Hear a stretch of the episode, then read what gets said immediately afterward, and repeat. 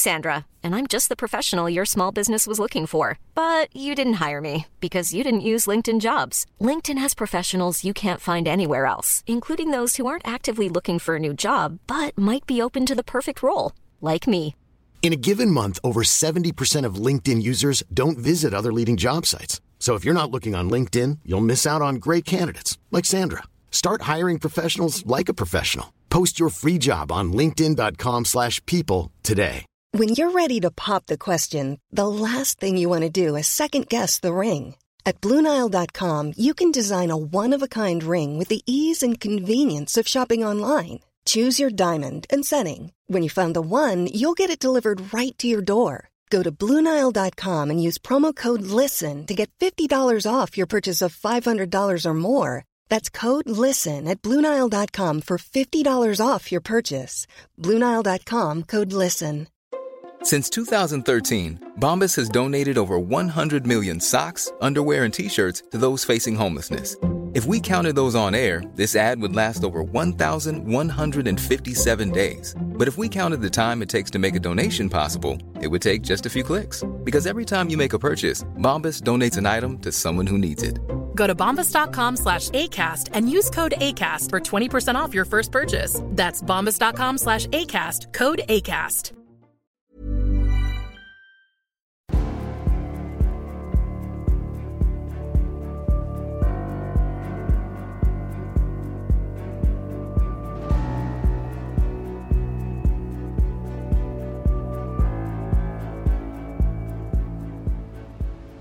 Du lyssnar på podcasten Samtal, en podcast med fokus på fria samtal.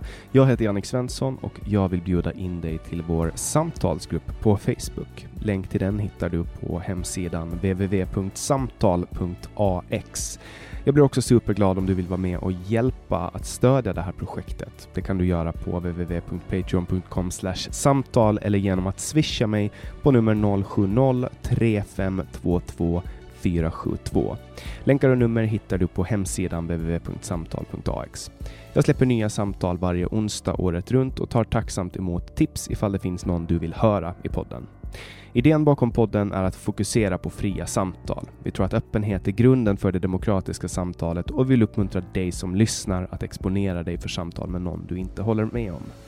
Jag heter Jannik Svensson och du lyssnar på podcasten Samtal.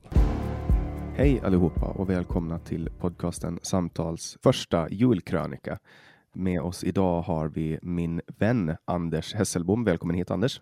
Tack så mycket Jannik, kul att få vara här. Du och jag har ju haft ett samtal. Du var med i juli. Jag kommer inte ihåg när, men eh, det var faktiskt riktigt trevligt och det var första mm. gången vi pratades vid, förutom när du ringde och sa att jag skulle få vara med. Mm. Och det ledde ju, det här det samtalet ledde ju till att du och jag inledde ett uh, samarbete. Mm vi startade en podcast som heter Generation EX och det, den här idén uppkom under tiden som vi satt och poddade. Så alla som har hört det samtalet kommer ihåg att, att vi började prata om att starta en podd och det har vi gjort och nu har vi spelat in 18 avsnitt tror jag. Jajamän! Och det är jättekul och anledningen att jag valde dig till det här var att um, jag tycker att vi gör jätteroliga poddar tillsammans och av allt content, alltså content wise under förra året så tycker jag att du och eh, Niklas Hermansson var rent content-wise bäst att ha med i podden. Jag frågade Niklas Hermansson om han ville göra den här julkrönikan tillsammans med dig, att jag inte skulle vara en del av det, men han hade tyvärr lite svårt att få ihop allting med småbarn och jul och corona och, ja. hans mormor. Men nu sitter vi här och jag, jag, jag, det är du som har förberett det här. Ja, jag tänkte det. Jag har ju en tendens att anteckna ner sådana saker som jag tycker är lite intressant. Eh, innan vi börjar så vill jag ju naturligtvis säga tack för de vänliga orden och eh, jag eh, kan ju passa på att säga att jag uppskattar att lyssna på dina poddar. Och nu är jag en del av dem, så det är en stor ära. Nej, men det har ju varit ett händelserikt år och jag tror att det här 2020 utmärker sig på många sätt. Så vi kan väl prata om de stora händelserna. Absolut, och före vi, vi gör det så måste vi ta 1800-talets största händelse, det vill säga när du föddes. Skulle du kunna berätta om lite vem du är och så för de som inte har hört avsnittet med dig ännu? Ja, nej, jag är faktiskt inte lastgammal. Jag är 46 år, så eh, tidig 70-talist eller snart 47 faktiskt då. Jobbar som programmerare sedan en herrans massa år, har två vuxna barn, lever mitt liv tillsammans med barnets mor. När jag är ledig så antingen poddar jag eller också sitter jag och programmerar C64 eller också dricker jag bärs och spelar arkadspel. Så jag lever som ett vuxet barn. Men, och lyssnar på musik gör du också. Ja, just det. Jag har min grammofonsamling också. Jag, jag tickar alla boxar för ett vuxet barn. det är det jag tänker efter. Men å andra sidan, ålderns privilegium är ju att man får ägna sin tid åt sånt man vill istället för att lämna på dagis och skjutsa till skola och sådana saker. Sen är du också en av Sveriges mest rutinerade podcastare som också har vunnit Svenska podcastpriset. Ja, jag är faktiskt engagerad inom humaniströrelsen, så jag är en debattör och föreläsare när det gäller speciellt religion och eh, jag har poddat väldigt mycket om bland annat skepticism och jag hörs just nu, förutom då i din podcast eh, Generation YX, eller vår ska jag säga, även i en podd som heter Stulet Gods, där jag och en kille som heter Henrik Andersson lyssnar på musik och sen så säger vi hm, det här är stulet material. Så jag är en rutinerad poddare, har hållit igång i många år, kanske mest känd för Skeptikerpodden och Radio Howdy. Mm. Och det är en ära för mig att få, få lära mig av en läromästare. Du är, lite, du är Sveriges podd-Yoda. Man får ju säga som så här att eh, vi producerar ju inte professionell radio riktigt och det har ju inte med att vi är fumliga att göra utan det har ju med att göra att vi har inte riktigt samma resurser som till exempel public service.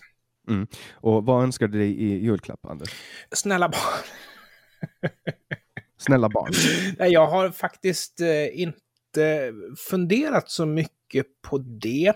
Förr så gillade jag att läsa tidningen Datormagasin, så jag brukar önska mig en prenumeration på den. Men vad ger man till en person som har allt? Och sen så tycker jag också att jag fick ju världens julklapp förra året. Det var mina ungar och min fru som hade kontaktat Samantha Fox och eh, köpt lite, lite sådana här memorials ifrån henne. Och jag tänker, fan, det, inget kan ju slå det. Om, du får, om vi eleverar önskningen till att du, kan, du får vad som helst då? I så fall så skulle jag vilja ha en sportbil. Men okay. det är ju orimligt med min plånbok. okay. jag, har ju, jag har ju lite annat på min önskelista. Mm. Jag önskar en nedstängning av public service. Ja, okej. Okay jag tänkte inte riktigt i de politiska banorna, men skulle det bli så, så skulle jag bli glad. Men jag törs faktiskt lova dig att eh, så inte kommer att ske, därför att de nya anslagen som man nu bestämde sig för, de skulle väl gälla i x antal år. Så definitivt är det redan spikat för 2021 att public service kommer vara en övergödd, vad det nu är. Mm. Yes, men då tycker jag att vi kör igång och det är du som, det är du som leder den här krönikan. Det är du som bestämmer mm. formatet. Ja, men då, eh, då och, och, jag är din, och jag är din bisittare, så välkommen upp på scenen, Anders Hesselblom. Tack så mycket. Kommer du ihåg att Irans generalmajor Qasem Soleimanis eh, blev eh, ihjälskjuten. Var det drönare de hade använt till och med? Och när SVT rapporterade om det här så visste de inte riktigt vem han var. Det stod väl till och med toppdiplomat på en skylt som de hade använt sig av i Sveriges Television, vilket i och för sig var en tabbe. Men folk i allmänhet, vet du vem Soleimanis var? Nej, jag kommer ihåg att, att uh, Donald Trump valde ju att, att skjuta honom. Mm. Jag tänkte säga avrätta, men det var väl mer en krigshandling. Ja. Det, var, det var ett annat land. Det här var ju definitivt en krigshandling, för Iran är ju alltså ett land som styrs av en islamistisk militär. Och han var generalmajor. Så det betyder att han var teokratins högsta höns i Iran. Så det här var en stor grej. Och, men han var, det var inte på Irans mark han, han blev? Av någon anledning var han i Irak. Mm. Det var och, och, jättemystiskt. Och, och får de skjuta folk i Irak? Alltså USA, hur är det att föra krig på andra, andra gränser? Ja, precis. Men hur som, det var bra att det skedde, skulle jag säga. Och eh, jag tror att SVTs tassande kring frågan är väl det att man har ganska starka vänskapsrelationer med, om inte annat, väldigt många iranier i Sverige. Mm. Och det här inledde ju året då, för, förra året, 2020, som sen skulle bli en av de konstigaste åren någonsin. Ja! Uh, och, och, men, men i övrigt så var väl Donald Trump under 2020 ganska, alltså han var väl ganska fredsmedlande i övrigt. Om ja, jag minns allting rätt. Och framförallt när han väl gjorde en krigshandling så var det ju en ganska välriktad sådan. Så jag tycker att på den här punkten så skötte han sig bättre än både Obama och Bush. Det är min åsikt. Sen, De är ju härförare i, i, i sammanhanget. Ja. Alltså, Jämför, om man jämför med Donald Trump i alla fall. Han har ju liksom inte startat krig. Handelskrig Nej. möjligtvis. Men... men med det sagt, precis, så har ju Donald Trump sina andra uppenbara brister. För han är en väldigt oberäknelig eh, man och eh, en dålig diplomat. Det gick bra i Korea, men generellt sett en dålig diplomat skulle jag säga. Mm. Ja, han är, ju, han är ju socialt efterbliven på ett ja. sätt som är alldeles unikt. Eh, och nu är ju hans karriär över. Liksom. Han har mm. eh, drygt en månad kvar på makten. Liksom. Ja, sen ska han bli mediamogul tror han, men det kommer ju inte att funka. Och, Nej, vi får se hur det går. Och apropå media, Kommer du ihåg, vi är kvar i januari 2020, att Sveriges Radio P4 Stockholm stack ut hakan, uppenbart stressade över konkurrens från fri media. De pratade om fria journalister som swish-horor. Och det här blev ju eh, en skräll, alltså när statlig radio pratar riktigt illa om sina konkurrenter. Alltså skattefinansierad media pratar illa om fri media. Och jag vet att Staffan Dopping var en av de som reagerade på det här. Han är ju mångårig journalist och även PR-människa inom bland annat militären har han jobbat. Och han konstaterar att kanalchefen för Sveriges Radio hälsar att eh, medarbetaren i frågan som använde ordet swishorder var dåligt påläst. Slutcitat. Man kommenterade överhuvudtaget inte, vill jag minnas, att det fnissades. När den ena sa swishhora så satt den andra och fnissade. Och ju, just det här, alltså det var ju ganska nyligen ett klipp som spreds där Jan Emanuel sa någonting om svenska flaggan och eh, Ulf Kristersson nickade lite instämmande och folk blev arga för han liksom gav legitimitet åt Jan Emanuel. Men här var det liksom ingen legitimitet alls som spreds med att de satt och fnissade. Det där var en väldigt konstig historia. Vad säger du om att Sveriges Radio angriper konkurrenter på det sättet? Jag minns den här händelsen som eh, eftersom jag har direkt efter att de gav legitimitet till det här uttrycket så har jag approprierat det och mm. eh, också kallar mig själv för swishhora. Ja. Eh, så efter det här så har jag börjat identifiera mig som en swishhora. Dels för att jag tycker att Swish är, det är en smidig tjänst att kunna ta emot pengar på, men också tycker jag att hora är, det är någonting bra enligt ja. mig. Alltså att, att se mig själv som en swishhora. För att jag gör ju det här eh, som jag gör. Alltså jag poddar och jag gör det gratis. Liksom. Och sen får folk ge mig pengar om de vill. Och eh, må hända att jag är en swishhora. Jag trivs och jag har ju också under året jag blev ju kallad för, för Swish-hora under året. Eh, du kanske kommer ihåg det. Det var ju, någon, det var ju min första beef eh, som faktiskt initierades av ditt och mitt samarbete. Det var eh, till och med rent i början så vi hamnade i en konflikt. Ja, det kommer jag ihåg. Jag, jag och en, en person och då blev jag kallad. Han skrev så här. Du ska nog ta och vårda ditt språk, din högervridna patetiska lilla swishhora. Och sen dess har jag haft det som bakgrund på min Twitter. Ja, ja, ja. Eh, så för mig personligen så, så var hela den här händelsen någonting som har hjälpt mig att närmare kunna finna min identitet i den svenska marknaden. I övrigt tycker jag ju att, att, att P4 Stockholm, jag tycker man ska få säga lite vad man vill och så. Och om de använder ordet swishhora, jag använder ju också det ordet, men jag använder det inte som ett invektiv, jag använder det som en hyllning. Mm. Eh, men SVT, jag tycker att allt som SVT gör är klandervärt och de kan sluta helt och hållet. Mm. Alltså, min syn på det här är ju att fri media ska vara fri just för att de ska få säga vad de vill. Men är det skattefinansierad media, då ska de finnas till för alla. Då kan de inte hålla på att hugga på särintressen hur som helst. Jag vill konstatera att det är extremt högmodigt att sitta i Sveriges Radio P4 Stockholm som är skattefinansierat på tvång och kalla folk som gör saker och lägger ut det till, till alla eh, och så får man och tar emot privat, frivilliga donationer. Man sitter på de här pengarna liksom mm. och har så en jävla fet studio och så jävla mycket resurser och har liksom researchers och producenter och folk som klippar allting liksom. När man själv är liksom, vad ska man säga, en jävla rövare eller plundrare eller, eller parasit som liksom parasiterar på samhället och tar deras pengar för att laga dålig underhållning och sen sitter man och kallar folk för swishhoror. Då har man extremt dålig självinsikt. Jag tycker ju inte att det där är ett problem om folk vill ha det så.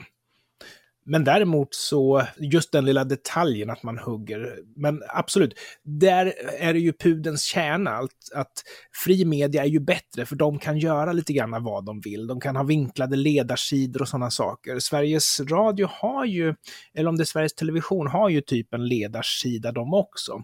Men det är en objektiv ledarsida. De skriver alltså debatttexter ibland på svt.se till exempel. och så där. Det är så konstigt då, därför att vad är det som säger att just deras infallsvinkel är just den objektiva? Nej, det hade varit mycket enklare om vi bara släppte mediebranschen fri. För Dagens Nyheter har ju sin infallsvinkel, Svenska Dagbladet har sin, och så ska det få vara. Men det blir liksom konstigt när man har statlig media också.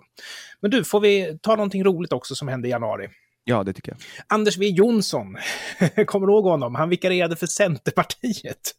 Alltså jag har ett svagt minne av att Annie Lööf har varit mammaledig. Ja, precis.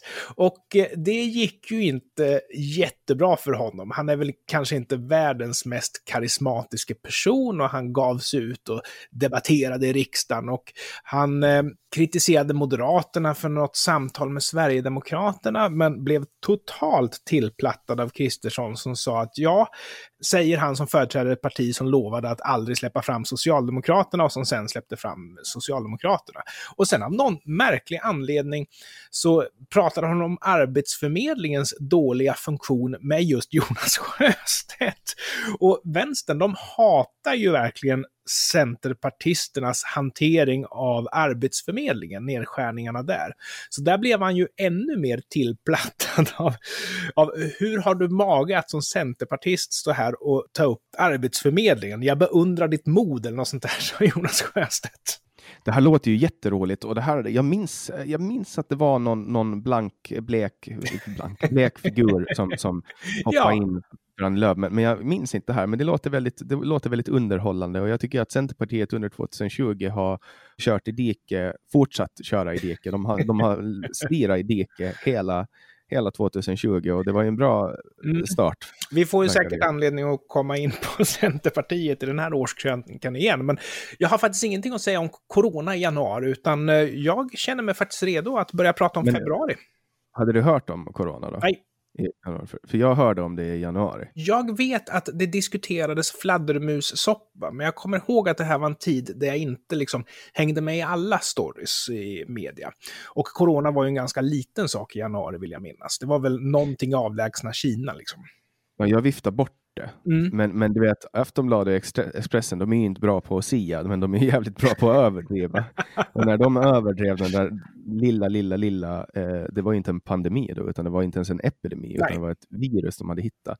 Då var det ju kan ta över hela världen, etc. etc. Ja, ja, och det kan ju vara en av anledningarna till att eh, Folkhälsomyndigheten och de här satt lite grann på tvären, det får vi se. Um, jag, undrar vad, jag undrar för övrigt vad Tegnell eh, tänkte så här på nyår. ja. Nej, undrar hur hans nyår var och vad han tänkte. Det här ska bli ett jävligt bra år. I år ska vi byta HR-system på Folkhälsomyndigheten. Och, så ja, 2020 var ju året som gjorde honom till rikskändis, den saken är klar. Jag hade ju inte hört talas om han heller i januari 2020, men nu hör man ju inte om annat liksom. Nej, Nej han är ju, han är ju året, årets mest nämnda person skulle jag gissa. I februari så uh, en av de roligaste händelserna som jag minns. Jag är ju ganska... Får jag bara bryta in först och säga den roligaste jag minns, det var ju den att eh, podcasten Samtal eh, släppte sitt första samtal i Sverige februari. I februari! Se där! Ja, men då så, då går vi över till februari. Så, så Gratulerar! Snart tack. firar du ett år. Ja, och då vill jag ju bara till, till de som har kommit in i det på senare tid. Alltså jag hade ju den här podden på Åland först och då hette den Säg vad du vill Åland. Mm. Men sen så flyttade jag till Sverige och det hände massa saker. Jag flyttade bort från Åland och då flyttade jag till Sverige och då tog jag med mig den här podden. Mm. Och då släppte jag första samtalet i Sverige då släpptes den 18 februari och det var Axel Luo Öhman. Just det. Eh, och det spelade jag in på Chimney i Gamla stan. Eh, och sen har jag haft en hel drös med spännande gäster och kommer att fortsätta. Så det är den största händelsen i februari måste jag säga och absolut största händelsen under 2000-talet. Göteborgs moské, de hamnade ju på allas läppar för att de har en hemsida på den hemsidan så har de en sektion som heter Om Islam och där länkar de till guider för muslimer där man helt enkelt publicerar de regler som gäller för muslimer. Och eftersom Göteborgs moské är en konservativ muslimsk församling så är reglerna ganska stränga. Och mitt under den här pågående diskussionen om att tjatsex skulle kriminaliseras och kallas för oaktsam våldtäkt, så har de en regel som säger att eh, kvinnor inte får säga nej till sex. Om mannen begär sex så ska kvinnan ställa upp på sex. Och det är alltså det som för icke-muslimer kallas för oaktsam våldtäkt. Och jag tycker det är så fantastiskt att det, det, är ofta en korrelation i Sverige mellan de personerna som tycker att nej, nej, nej, definitionen av våldtäkt ska vara så snäv som möjligt så att liksom vem som helst ska kunna fällas. Samtidigt som att islam är en fin religion. liksom. Ja, det är mycket, mycket märkligt. Ja, och du är ju en religionskritiker av rang eh, och vi diskuterar ju ofta religion eh, mm. i generation YX och ofta islam. Eh, ja. Jag antar att anledningen att du har en förkärlek för att kritisera just islam är mm. att det är Sveriges näst största religion och att man för det är det väl, nu, nu bara, det, det, det drog jag ur röven, men jag gissar att det är Sveriges näst största religion. Ja, det är det kan jag säga. Och det är mycket lättare äh, för, för oss som är uppväxta med i ett protestantiskt land att se skillnader i kulturer som kringgår eller som, mm. som rör sig runt religioner. För att det är väldigt, det är väldigt annorlunda. Alltså till exempel det här med att uh, våldtäkt i äktenskap, att det på, på något sätt skulle vara okej. Okay. i Sverige så är det helt otänkbart. Ja, alltså i Sverige så är det ju också helt otänkbart bland konservativa muslimer att man kan överhuvudtaget göra sig skyldig till våldtäkt inom ett äktenskap. Men skulle du och jag haft det här samtalet för tio år sedan, då skulle ju du sitta här med en förklaring. Ja, ja och anledningen till att du bara kritiserar kristendom är för att bla bla bla. Så det är ju alltid så att olika religioner håller sig på agendan. Och vi befinner oss ju just nu i en situation där kristendomen är ganska reformerad och islam... Ja, det, alltså, det har ju varit, en gång i ja. tiden så, så hade ju inom, inom kristendomen så har man ju inte kunnat liksom, då var det ju okej att alltid ha sex med sin fru, ja. även om inte hon ville. Men, men vi eh, har, samhället har utvecklats eh, och så också religionen. Mm. Islam har fortfarande inte haft sin stora revolution. De hade den för väldigt länge sedan och sedan dess har de blivit konservativa igen. Alltså, alltså sådana saker som vi betraktar som väldigt bildligt betraktar de som väldigt bokstavligt. Men sen är det ju också så att kristendomen och islam delar ju till exempel de vetenskapliga perversionerna, liksom synen på vad som är sant och falskt och sånt där. Men när det gäller den moraliska korruptionen så är ju islam mer på tapeten just nu. Det kommer vi också se när vi tittar på de händelser under året som har med religion att göra. Att det här får vi har en ganska stor konfliktyta i Sverige, mm. både kulturellt och socialt och överallt. Liksom, att, att när man försöker tillämpa eh, regler som, man, mm. som inom länder där man är, har islam som statsreligion, det, alltså, det blir ju mycket större konfliktyta och att de liksom vill kräva sin rätt att vi ska få göra så här. Ja. Och, och, och, så bryter det mot någonting fundamentalistiskt som vi har i vår yttrande, eller alltså grundlag som yttrandefrihet. Eller, eller, ja. Då skapar det en debatt om ska det vara okej okay att mm. göra det? I, alltså, men, men det ska inte vara en fråga. Om, alltså, det ska inte vara en fråga om är det okej okay att våldta inom äktenskapet. Nej, man får aldrig våldta någon. Mm. Aldrig, aldrig, aldrig. Vi har ju det här med hädelse, har du ju precis den diskussionen, där vänstern är den gamla svurna fienden till... Och hedelse, det är alltså när man pratar illa om ja. religion. Vänstern är den gamla svura fienden till religion överhuvudtaget. Men i och med nu att Eh, man har skyddsvärda grupper som råkar vara religiösa så har ju den här konflikten börjat dyka upp och den har ju hanterats på ganska konstiga sätt där man säger att ja, men det ska vara tillåtet att häda, men man ska välja att avstå. Och den typen av diskussioner. Och eh, för mig är ju det helt förkastligt. Det spelar väl ingen roll om jag måste avstå på grund av lag eller om jag måste avstå på grund av åsiktskorridoren. Det faktum att jag måste avstå gör att jag inte är fri. Och sen så har det till och med kommit till den grad där man säger att frihet eh, är väl övervärderat i alla fall, uppför dig istället. Men då vet man ju inte hur det är att leva i ett land där man inte är fri. Frihet är en sån här grej som är lätt att ge upp, för man saknar den inte förrän man har blivit av med den jag kan liksom inte, medan jag är fri, förstå vitsen med frihet. Jag måste bli ofri för att förstå vitsen med det. Och det ja, det är som att man vet inte om att man sitter i ett fängelse om man inte ser gallret. Nej, nej, precis. Och för min som, del... Kina, som Kina till exempel, att de, mm. de kan leva, att de tror att de är fria för att de får resa genom hela Kina och de har sitt kinesiska språk och en valuta, men, men de vet inte om att de är inlåsta Nej. på grund av att de liksom inte ser serier från Hollywood. Och så ja, de har inget öppet internet eller något sånt där. Nej, så för mig som engagerad i humanisterna så är ju just för mig personligen frihet en väldigt viktig fråga och därför så tycker jag att tro vad du vill så länge du inte betar i min trädgård. Tro att jorden är platt, men om du påstår det så får du sjutton äta upp det. Tro att Gud älskar dig, men om du påstår det så får du sjutton äta upp det. Liksom. Precis som jag har rätt att, att vara en av de som svarar när folk gör påståenden. Om någon säger att jorden är platt, då har jag samma rätt att säga nej, det är den inte, som de har att säga att den är platt. Det är inte så, Exakt. Att, det är inte så att plattjordare eller gudstroende har extra rättigheter, utan vi är tyvärr lika inför lagen. Och det är bara, Undantag, det är bara att tugga i sig det. Undantagen är ju att det är förbjudet att säga att uh, förintelsen inte skedde. Ja, det, vi har ju några Men det är lagligt att säga att jo, den skedde det är väl enda inskränkningen som finns i yttrandefriheten i Sverige. Eh, vi har hets mot folkgrupp och vi har förtalslagar och sånt det, där. Ja, men hets mot folkgrupp, det är väl den lagen, alltså den, mm. det ingår väl i den lagen, för det klassas ja. som hetsande mot, mot judar att, att säga att förintelsen inte har skett. När, när det gäller förtal så kommer jag på nu att det är förresten civilrätt, men eh, yttrandefriheten är ju enligt lag väldigt, väldigt stark i Sverige, men jag kan tycka att det finns ju en poäng med att ha en bortre gräns för den. Men den poängen ska ju inte handla om att judar bli kränkta. De ska väl sjutton bli kränkta. Det handlar ju om att vi inte ska förfalska historien i syfte att kanske upprepa de brott mot mänskligheten som ändå Tyskland gjorde sig skyldig till, bland annat Tyskland ska säga i ärlighetens namn, på den tiden. Mm. Okej. Okay. Ja.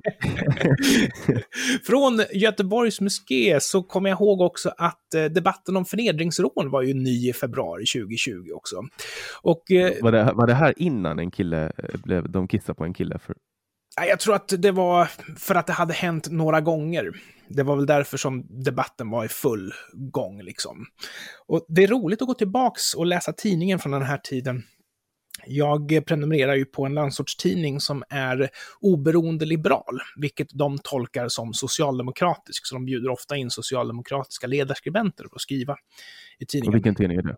Närkes Allehanda. Okej, okay. och det är en Örebro-tidning då? Det är en Örebro-tidning, korrekt. Som nästan hörs på namnet. Och eh, socialdemokratin går ju alltid igenom samma faser när problem med deras politik bubblar upp till ytan. Det är först är det förnedring, sen hånar man meningsmotståndaren och sen avslutas det alltid med att man skyller på oppositionen. Så det här med att förminska offrens upplevelse, det var ju det man gjorde. Ja, kriminaliteten har minskat och det har alltid varit så här och sånt där. Men idag så tror jag att debatten om förnedringsrån har ju kommit så pass långt så att socialdemokratin har gått igenom alla sina faser. Kommer de så långt att de börjar skylla på oppositionen så som de gör idag, då har de ju också erkänt problemet. Men i februari så hade vi alltså inte kommit så långt, då var vi i förnekelsestadiet. Mm. Ja, och snart är väl den här pandemin, alltså socialdemokratins styre, över det är inte så säkert. Man ska också komma ihåg att folket är tämligen nöjd med eh, Stefan Löfven. Han har ju väldigt högt förtroende. Så även om eh, opinionen ligger ju faktiskt ungefär som förra valresultatet, vilket inte är jättebra, men det är inte katastrof. Och förtroendet för Löfven är högt. Så det är inte säkert, men det här valet som kommer 2022, det kommer ju vara en rysare eftersom partier kan åka ut, det kan bli maktskifte, ingenting kanske händer och så vidare. Sverigedemokraterna har ju varit lite grann av en joker den senaste tiden, men deras opinion ligger ju också ungefär på valresultatet nu. Och eh, de har ju gjort fantastiska val. Från val till val har de alltså vuxit med massor av procent. Men nu kommer det kanske inte att ske. Vi vet inte. Mm. Tror du att det har med corona att göra? Eh, jag tror att eh, vi enas upp bakom en ledare när det blir kris. Och jag tror inte att vi är så besvärade av om den här ledaren sköter sig bra eller dåligt, utan vi, vi sluter upp bakom ledaren. Vi, vi är som USA på det sättet. Och du har ju ganska stark emotionell koppling till att man inte ska prata ner Sverige, speciellt inte internationellt. Vi har ju till och med en myndighet som jobbar med Sverigebilden, alltså bilden av Sverige både inrikes och utrikes. Svenska det, man kan säga att Potemkins kulissmyndigheten. Ja, det kan, man, det kan man absolut säga. Svensk exceptionalism, vi gillar att tänka på oss som bäst på allt. Mm. Men Ja, du- det, det vet vi ju. Vi är bäst på att hantera pandemier. ja, och i februari... Vad hände i februari, Anders? Ja, Vad hände i februari? Då började nog gemene man, åtminstone jag då, att eh, höra talas om corona på allvar. För det var i början av februari som vi hade ett eh, smittspridningscentrum i Italien var det. Och Folkhälsomyndigheten, de tog det här med ro. De tillät flyg in och ut och såna här saker. Andra länder, de började införa restriktioner och uppmana sig till att hålla sig ifrån eh, folksamlingar och allt sånt där. Typ det som vi diskuterar i Sverige idag. Men Folkhälsomyndigheten och media tog det här med ro. Det var faktiskt till och med så att Dagens Nyheter hade någon sån här jipporesa för sina läsare till Italien. De, de sålde svindyra biljetter, så fick man åka tåg till Italien för att på något sätt visa att Greta Thunberg har rätt. Det går att tåga till Italien. Och de valde att göra det just när Italien var den stora smittkällan. Och mycket riktigt så dröjde det ju inte många dagar förrän vi hade våra första bekräftade fall i Sverige. Och Men- då kan det ju vara så att Peter Wolodarski personligen är ansvarig för smittspridningen i Sverige. Ja, jag tror inte det, men däremot så skulle inte det vara helt orimligt om det så vore fallet faktiskt. Ja, så det, det var mycket som gick fel där, men som sagt, omvärlden hade vaknat, vi hade vårt uppvaknande framför oss i februari. Har vi något att tillägga om februari, tycker du? Ja, förutom att februari var månaden som samtal kom till och corona kom till så finns det inte mycket att säga. Nej, men stort och viktig, stor, stor och viktig Ja. månad. Ja, ja. Mm. Mm. Och eh, public service pratade vi om i januari och hoppar vi nu in i mars så är det ju så att eh, samtliga partier går ju då med på det här utökade anslaget till svensk public service, vilket är Det Sveriges, var en mycket, mör, mycket mörk dag, den Ja. svarta dagen i mars.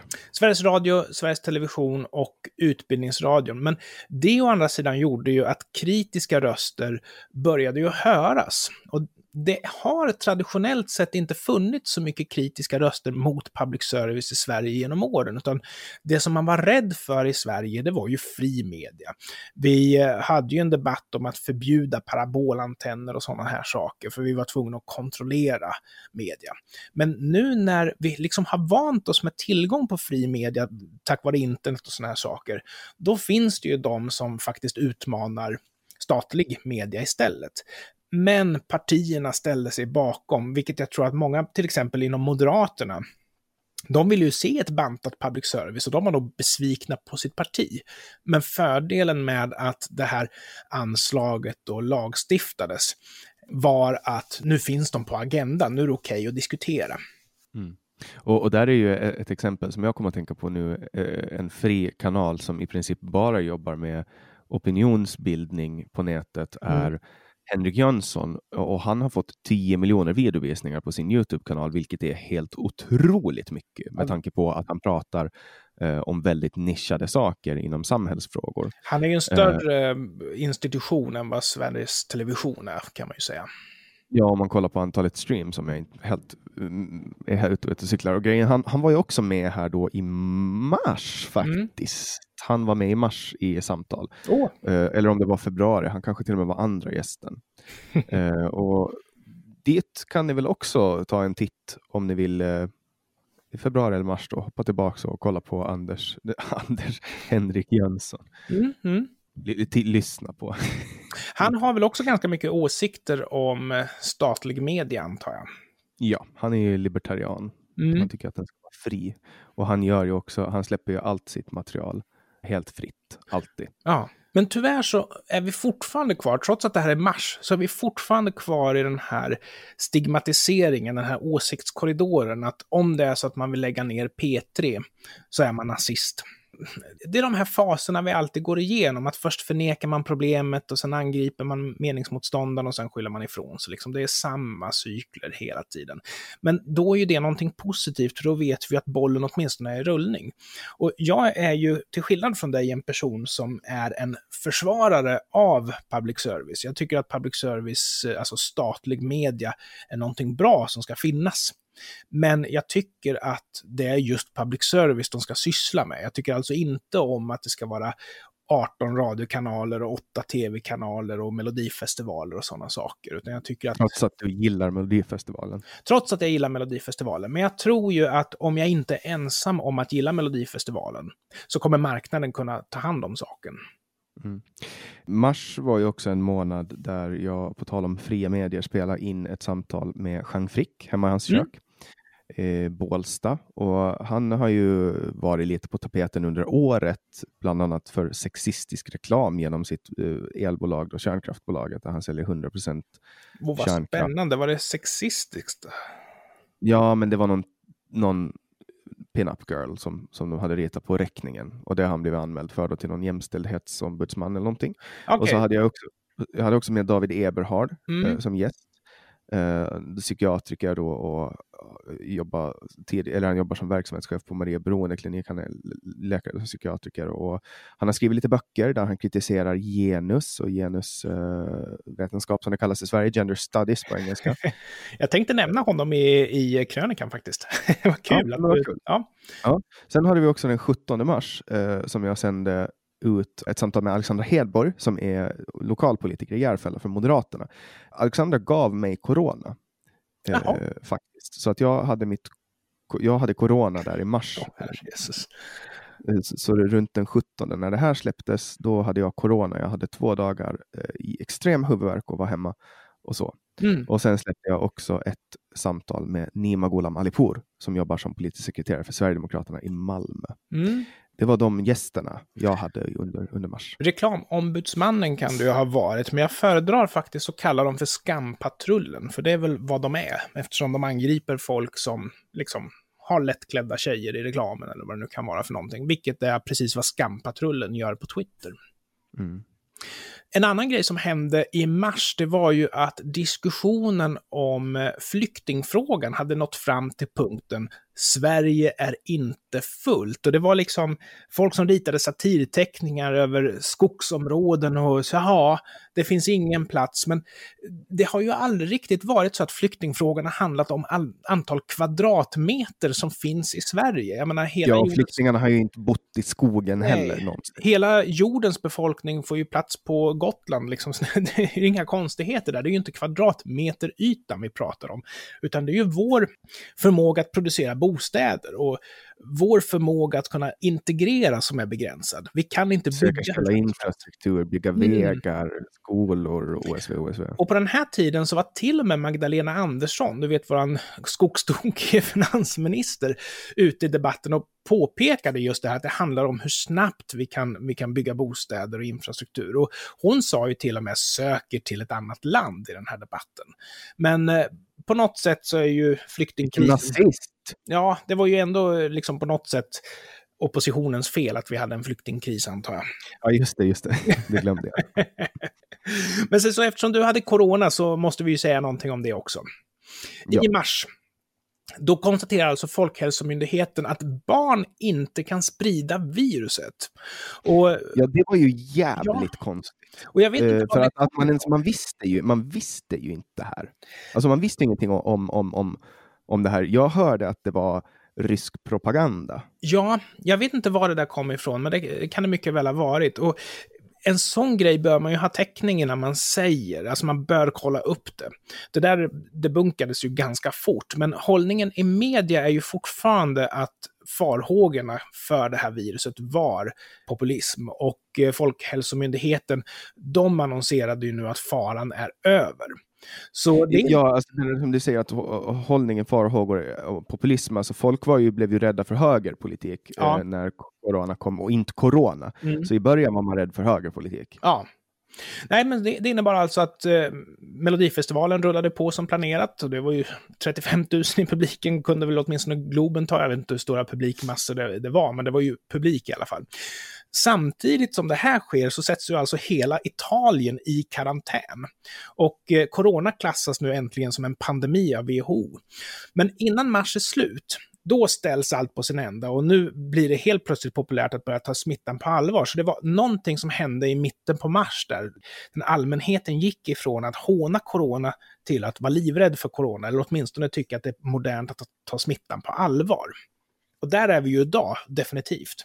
Nu måste mm. man ju liksom hedra Folkhälsomyndigheten. Ja, här kom ju också eh, rapporter om, om folk som hostar väldigt mycket och man mm. börjar liksom uh, förstå att det här, den här var väldigt smittsam, den här sjukdomen. är du redo för april? Jag är redo för april. Jag är alltid redo för april. Det är första, det är första man, man börjar få hopp då. Man börjar få se solen och sånt. Ja, och nu när vi spelar in det här man Skatteåterbäring i april också. Ja. skatteåterbäring i april. Ja. Får man det i april? Får se om det blir någon sån i, för mig, men jag fick lite grann sist i alla fall. Nej, men det, det, är härligt. April är bra och vi hungrar ju efter solen. Vi spelar ju in det här i mörka december eftersom det är våran, vad kallar du för, julkrönika? Ja finemang. För min del så tyckte jag att det var roligt att häxkonst och kristaller och astrologi och sånt där fick ett uppsving. Och till och med TV4 Nyhetsmorgon, de intervjuar häxor och såna här saker.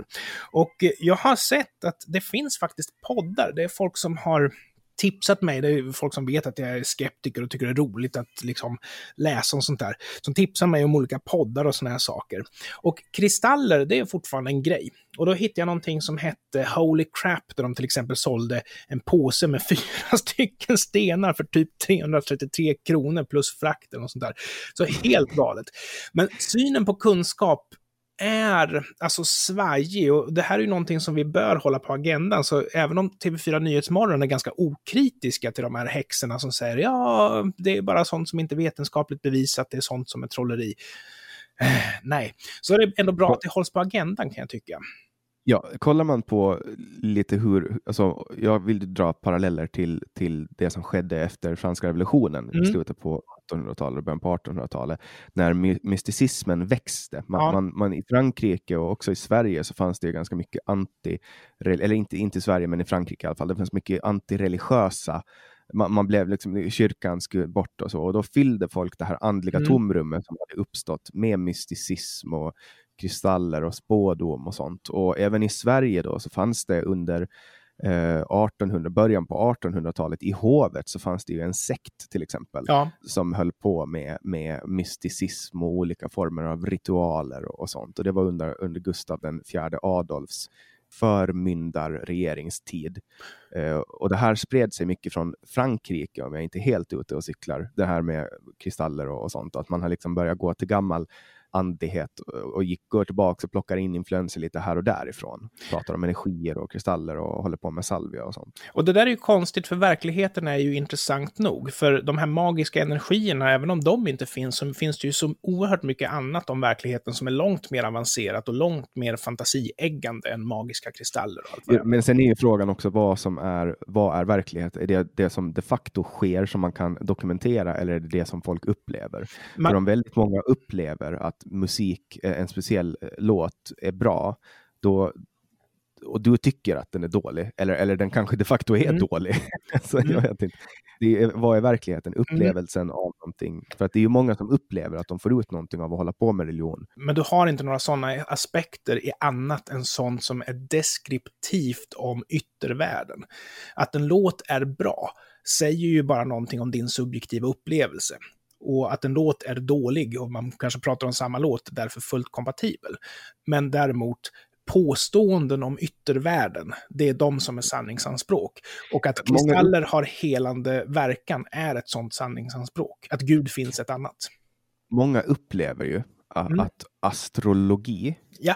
alltså olika kärntecken, ser man stjärna eller kärntecken? Stjärn stjärn. Alltså, det där är det enda i svenska jag har svårt med. Jag vet inte hur man säger. Jag har svårt med det också. Det, stavningen är inte helt konsekvent när det gäller ske-ljud i svenskan. Ursäkta. Mm. mm.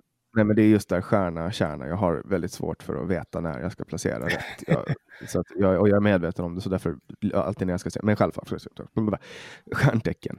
Folk som läser astrologi kan ofta uppleva, inklusive jag, att en beskrivning av ett, alltså går jag in på Allermedias, eh, den här sidan som, mm. som skriver typ alla någonting, eh, inte ut med H utan med A, att det, det på något sätt är, stämmer ganska överens. Alltså om jag går in och läser om Vattumannen som jag har på den, på den hemsidan, då stämmer det väldigt bra överens med mig och väldigt mm. många upplever.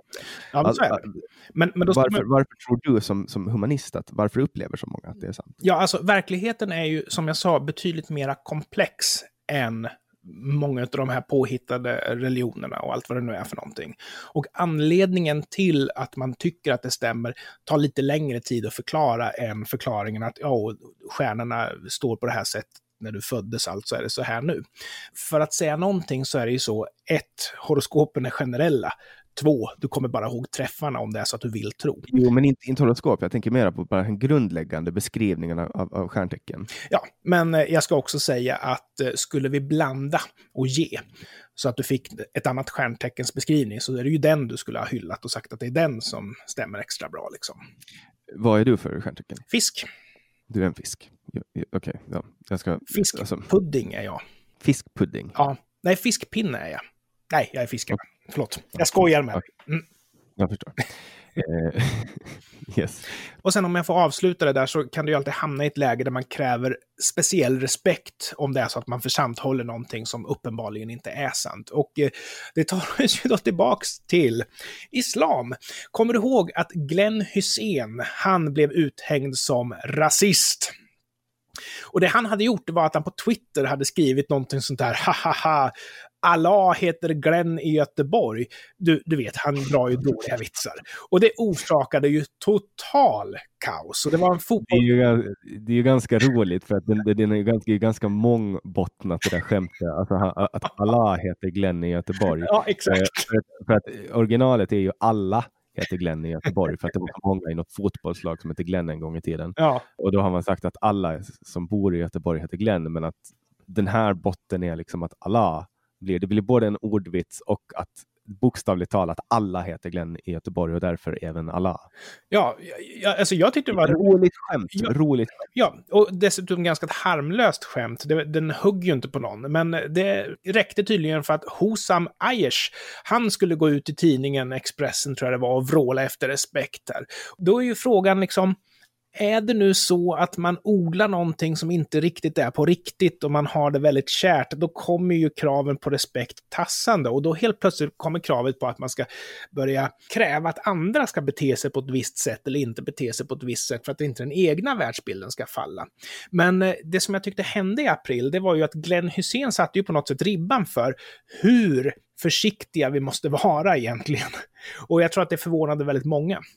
Det var en mm. annan debatt faktiskt angående, inte riktigt corona kanske, men Anders Tegnell hade ju blivit kändis. Han var ju med i tv säkert fem timmar varje dag.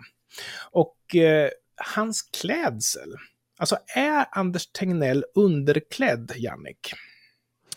Eh, alltså jag tycker att han klär sig som alla kufar bör göra. Det jag minns var olika modesajter eh, för män. Så klär du dig som Tegnell. Åh herrejösses. Sektbeteendet som vi alltid faller in i i Sverige. Ja, lite konstigt. Alltså jag tror att de gör det. Jag tror ju att folk gör det. Alltså de här redaktionerna gör det som ett skämt ja. med glimten i ögat, men att folk uppfattar det som seriöst. Ja, så kan det faktiskt vara. Jag kan ju tycka att han är underklädd, för jag tycker att i hans position och när man är i tv, då ska man faktiskt dra på sig en kostym. Och han skulle kunna dra det på skatten som arbetskläder, bara köpa tre kostymer och växla mellan. Men, men han, kanske tänker, han kanske tänker att han vill vara lite som Leif GW Persson. Ja, så kan det faktiskt vara. Men jag tror att det kan finnas en annan grej här också, och jag tror att det kan vara ett uttryck för makt att kunna klä ner sig. Och det tycker jag märker med mitt jobb då. Nu går ju inte jag till det på grund av karantänen då. Men jag jobbar ju på en statlig myndighet och är det så att du är lite osäker på din position och din roll, då har du kostym. Och är det så att du ligger någonstans mitt emellan, då har du en klubbbläser och en skjorta. Men är du trygg i din position, då kan du gå dit i en urtvättad t-shirt. Liksom. Att kunna klä ner sig är ett uttryck för makt. Är det så att du är osäker, är det så att du är rädd att bli petad, ja då klär du upp dig helt enkelt för att visa att du minsann är till lags. Därför att hur du klär dig, det säger ju någonting om förhållandet du har till din publik. Mm. Ja, ja, och sen är det ju också, det, kan, det är ju ofta lite coolt att se någon som är, alltså som Steve Jobs till exempel, mm. hur han hur han klädde sig med sina sneakers och, och turtleneck och ett par gamla Levi's. Han klädde sig ju så för att han inte hade något hot hängande över sig. Han var trygg i sin roll och därför kunde han gå i kläder som var lite coola liksom. Men eh, en nyanställd vd på Microsoft har ju den mest slätstrukna kostymen i hela universum. Liksom. um, Men när vi ändå är inne på corona så kommer du ihåg också att det som hände där i april, det var ju att en tysk journalist skapade ju oro bland de svenska journalisterna genom att han ställde kritiska frågor på en av myndighetens presskonferenser. Och det är ju ett definitivt brott mot svenska konventionen. Alltså, vem ja, det här var är mannen som ställer frågor? det blev ju ett mysterium och tidningarna drog ju ganska hårt på det här. Det var ju ja. folk som faktiskt undrade vad är det för någon som kommer där? Och de tänkte ju att han var, att han var ett eh, troll som var utskickat från Ryssland. Ja, precis. Det var ju lite experter som pratade om det, att här har vi något troll. Men, men sen var han med i en intervju och jag kollade på en intervju med honom. Han var ju en helt vanlig människa. Liksom. Ja. Men, men det här, Ja, han var journalist och det här visar ju liksom på hur, hur man inte fick ifrågasätta eh, coronahanteringen i början på pandemin. Det var liksom, man fick inte göra det. Nej, men det handlar inte bara om det. Du har rätt. Men det finns en aspekt till här och det är ju att journalister är ju myndigheternas och maktens sekreterare. Ja, som samtidigt ska granska makten. Ja, som ska granska makten. Och de ska inte vara sekreterare. Men det är där vi har landat i Sverige idag. Det är därför mm. Ja, men alltså, de, de, är ju de facto deras sekreterare idag, ja. men de ska granska makten. det är därför som alternativmedia kan ha en uppfriskande roll, kan nästan elda på gammelmedia i, i röven, ursäkta uttrycket, som typ samhällsnytt och de här. Men jag tycker ändå att gammelmedia har lyckats ganska bra med ja. att stigmatisera just Samnytt och, och de här tidningarna så att man ska mm. automatiskt avfärda dem som, som, som fake news när man ser rubriken, att ja. man inte tar till sig. Och, och det, det kanske är bra, därför att eh, de där alternativmedia i den genren är ju slaskmedia. Men det kommer ju också ny alternativmedia som inte är slaskmedia. Och vi nämnde väl kanske Kvartal här till exempel. Och du har och du har en ny som är på gång. Jag kommer tyvärr inte ihåg vad den heter. Nyheter idag, de har ju lyckats eh, rätt bra under året och till 2019 också att liksom få legitimitet och eh, komma bort från den här stämpeln genom att SVT och Aftonbladet Expressen har, har liksom refererat till deras avslöjanden och de har gjort några stora avslöjanden under ja. året. Så att jag skulle vilja säga att, att, att nyheter idag också eh, börjar närma sig, alltså de har lite mer, mer nykter nyhetsklassificering och, och, och journalistisk relevans alltså när de väger nyheter som kanske inte Samnytt har ibland. Jag och, håller inte med. Jag tror att de är ju duktigare på att pricka in som du säger, men det betyder inte att de håller på att vinna acceptans, utan det är ju faktiskt så, precis som jag sa först, att de här eldar ju gammelmedia i röven det är ju bara ett uttryck för att när de väl lyckas pricka in en riktigt relevant nyhet, då måste gammelmedia förhålla sig. Men det betyder inte att man skänker acceptans till tidningen. Det betyder ju bara det jag sa, att de konkurrerar med gammelmedia. Så att de är... Jo, men jag tror, jag tror aldrig att det skulle ske Nej. att SVT skulle referera till en artikel från Samnytt. Det kanske har hänt, jag vet inte, men jag tror inte att det kommer att ske eller har hänt. Nej. För det är ju Sverigedemokraternas tidning liksom.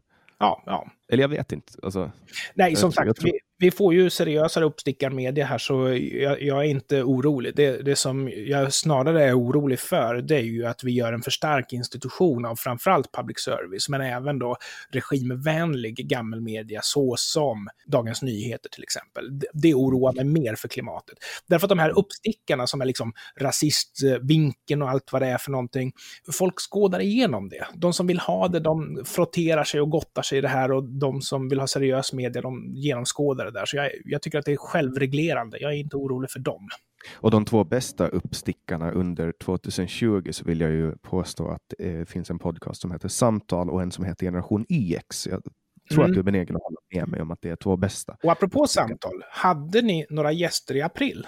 Ja, det fanns ingen anledning att ligga på latsidan under april. Den första april, den stora skämtdagen, när alla för övrigt skämtade om att de hade corona, mm. så var Roger Salström med. Ah, ja. eh, och han är ganska stor influencer inom citattecken undervärlden eller mörka sidan, slutcitat, då för att han eh, har ha liksom hållit på mycket och influera i Sverigedemokratiska kretsar. Och direkt som motpol till honom så hade jag Henrik Johansson och de har haft lite mm. öppna konflikter på internet så det var kul. Och Henrik Johansson är då med i podcasten Haveristerna och han är den andra haveristen som var med. Och eh, det var ett jättetrevligt samtal, en dalmas och jobbar inom fackföreningsrörelsen. Och sen hade jag med det då tills största samtalet som under nästan hela 2020 var det med streamade, det var Aron Flam. Mm. Och det var ju då innan han blev polisanmäld. ja. för, för det här. Så att det var ganska kort efter som de kom och tog böckerna av honom. och det fick vi se mycket av under 2020. Sen hade jag med Emma von Linné som är aktivist för sexarbetares rättigheter. Mm. Ett intressant samtal för de som är intresserade av hur svensk lagstiftning kan bli i praktiken när det kommer till till exempel det här. Sen hade vi med Mattias Svensson. Oh. Det var under tiden som han höll på att skriva sin bok som han har släppt nu i slutet av året. Mm. Han är då kulturskribent och författare, klassisk liberal och det här var då första samtalet på länge, kommer jag ihåg. Det här var inspelat redan i februari, så vi nämnde inte ens corona. Nej. Vilket jag tror att var ganska skönt, för att det blev väldigt mycket corona under april. Så det var de fyra gästerna som var med under april. Ja, men då måste jag ju säga det innan vi lämnar april. Det var ju att det var då vi fick lära oss att Beredskapsmuseet, samling arslen som driver den. Mm. Ja, men då så, då kör vi väl på med maj. Ja, maj är en, en av de bästa månaderna enligt mig. Ja, jag tyckte att det var en väldigt bra maj också. Jag var inte så mycket ledig den här sommaren, men eh, jag lyssnade en hel del på podcasts och det var ju en podcast som initierade att Annika Strandhäll kom ut som sexexpert. Och det hon påstod det var att det finns ingen skillnad mellan manlig och kvinnlig sexualitet. Och jag tror att förmodligen så vet hon att det här inte riktigt stämmer, men anledningen till att det var viktigt att påpeka det var för att det var Hanif Bali som hade aktualiserat frågan med en tweet. Och grejen var den, jag kommer faktiskt inte ens ihåg vad Hanif Bali skrev, men det är ju faktiskt så att det finns en väldigt stor skillnad mellan manlig och kvinnlig sexualitet. Och då har ju det här med sexual economics, att det helt enkelt kostar mer för en kvinna att alstra barn. Vilket gör att kvinnor är lite mer selektiva i hur mycket sex de har och med vem. Och på statistiken så kan vi då konstatera det att till exempel homosexuella män har väldigt ofta sex med varandra eftersom ingen av dem i förhållandet då har den här med sexual economics att behöva tänka på.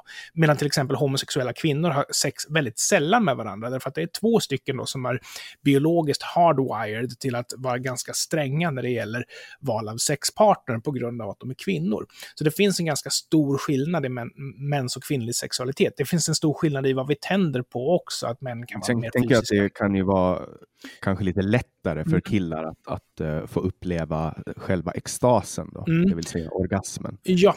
Brukar det ju vara i allmänhet, tror jag. jag mm. vet inte. Men det blev så intressant här, för det var till och med så att viss media hakade på så att ja, experten kan ge Annika Strandhäll rätt. Och såna här saker skriver de ju. Därför att det är ju tydligen viktigare att hålla med rätt läger än att faktiskt ha koll på sakfrågan. Så man lärde sig väldigt mycket om svensk flockmentalitet när Annika Strandhäll började prata sex på Twitter helt enkelt.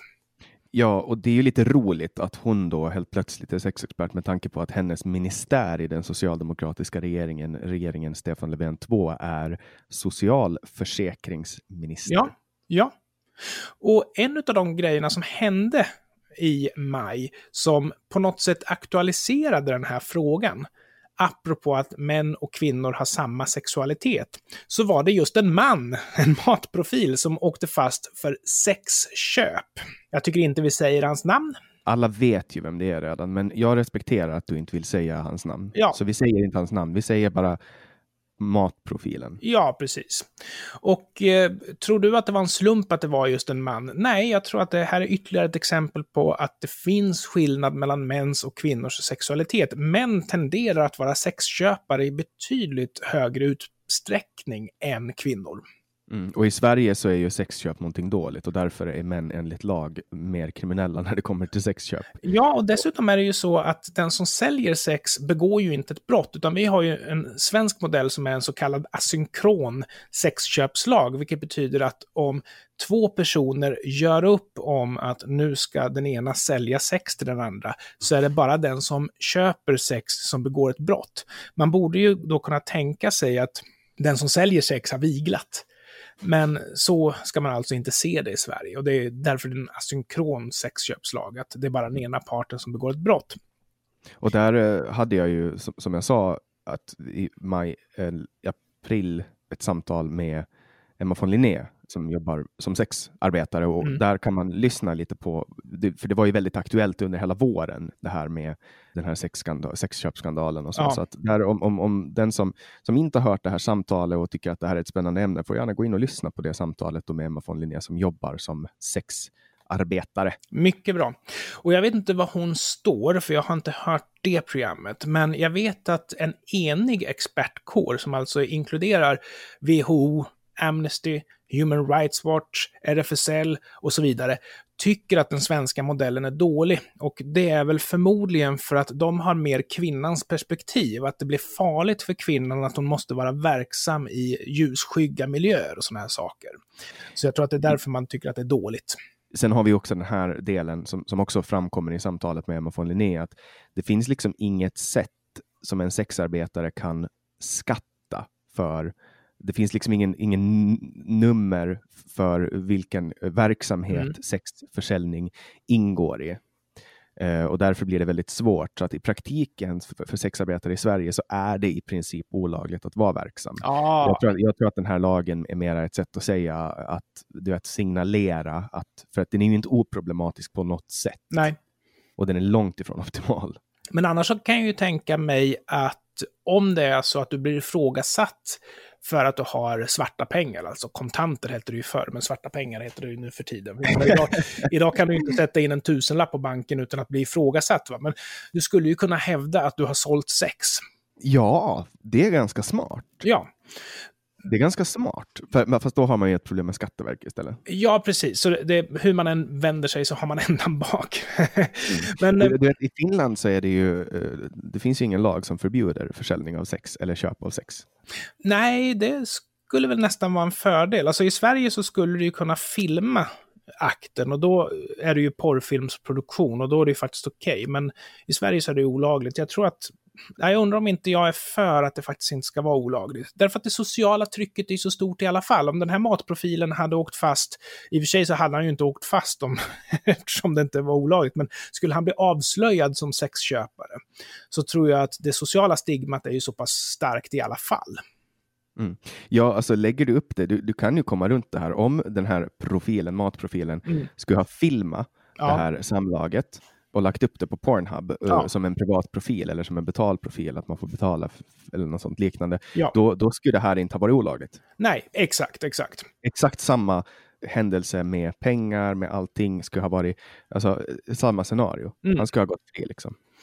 Något annat som hände i maj, det var att den svenska pressfriheten ifrågasattes igen, och ganska kraftigt, för det var en hetsk debatt, och det här kanske utspelade sig lite grann i utkanterna i media, alltså typ på Twitter och sådana här eh, ställen. Men det var ju en Swish-journalist, och redan där så är ju folk alltså skeptiska från början, som hade... Alltså La- Lamotte, det vill säga. Ja, det vill säga Lamotte, ja.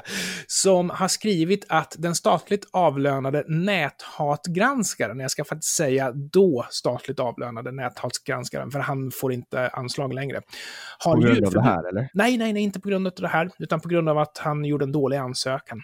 Han har djurförbud och det är på grund av fall av djurplågeri som han har på sin historik. Och när det här då skrevs av Swish-journalisten Lamotte så stämde helt enkelt näthatgranskaren journalisten. Och opinionen, hör och häpna, var ganska stark bakom näthatsgranskaren. Att man eh, crowdfundade liksom att han eventuellt skulle förlora. Och det är ju rätt intressant, för det gör ju då näthatsgranskaren också till en Swish-journalist, eftersom man då inte bara tar emot pengar från staten, utan faktiskt också från donationer, vilket är det fula sättet att tjäna pengar på i Om Sverige. det ska varit djurhatsgranskaren då, som, som, som publicerade det här, hur tror du det ska blivit då? Vad var det för, vad, vad, det var någon häst han hade?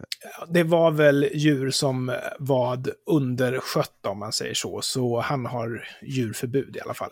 På det positiva planet så kan jag ju säga att numera så har inte staten någon näthatsgranskare som är avlönad. Och jag tycker det är någonting positivt, för det enda det här liksom ledde till var ju att gamla tanter blev uthängda som nazister, eller rasister.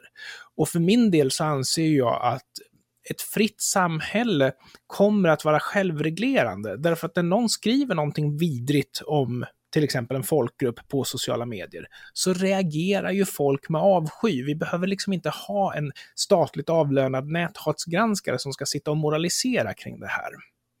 Vi kommer ju ihåg vad som hände när, när Alexander Bard kallade Bianca Ingrosso för hora. Ja. Eh, det blev ju inte uppskattat alls och det var ju ett exempel på hur, hur samhället reagerar på språk som uppfattas som kränkande. Ja, precis. Jag var ju en av de som reagerade när Sveriges Radio kallade Lamotte för hora. Som... Mm, ja, men att kalla, att kalla Bianca Ingrosso för hora, det, det, var ju, det var ju lite skillnad på slagkraften i kritiken. För där var ju SVT och SR var ju med mm. i högsta grad och jaga Alexander Bard. Liksom. Ja, precis. Så de, de, är ju väldigt selektiva i sin moral, det får man ju säga. Men corona hade vi också i maj. Och det här ja, ju... hade vi corona i maj? Tyvärr, det hade vi ju. Har du haft corona?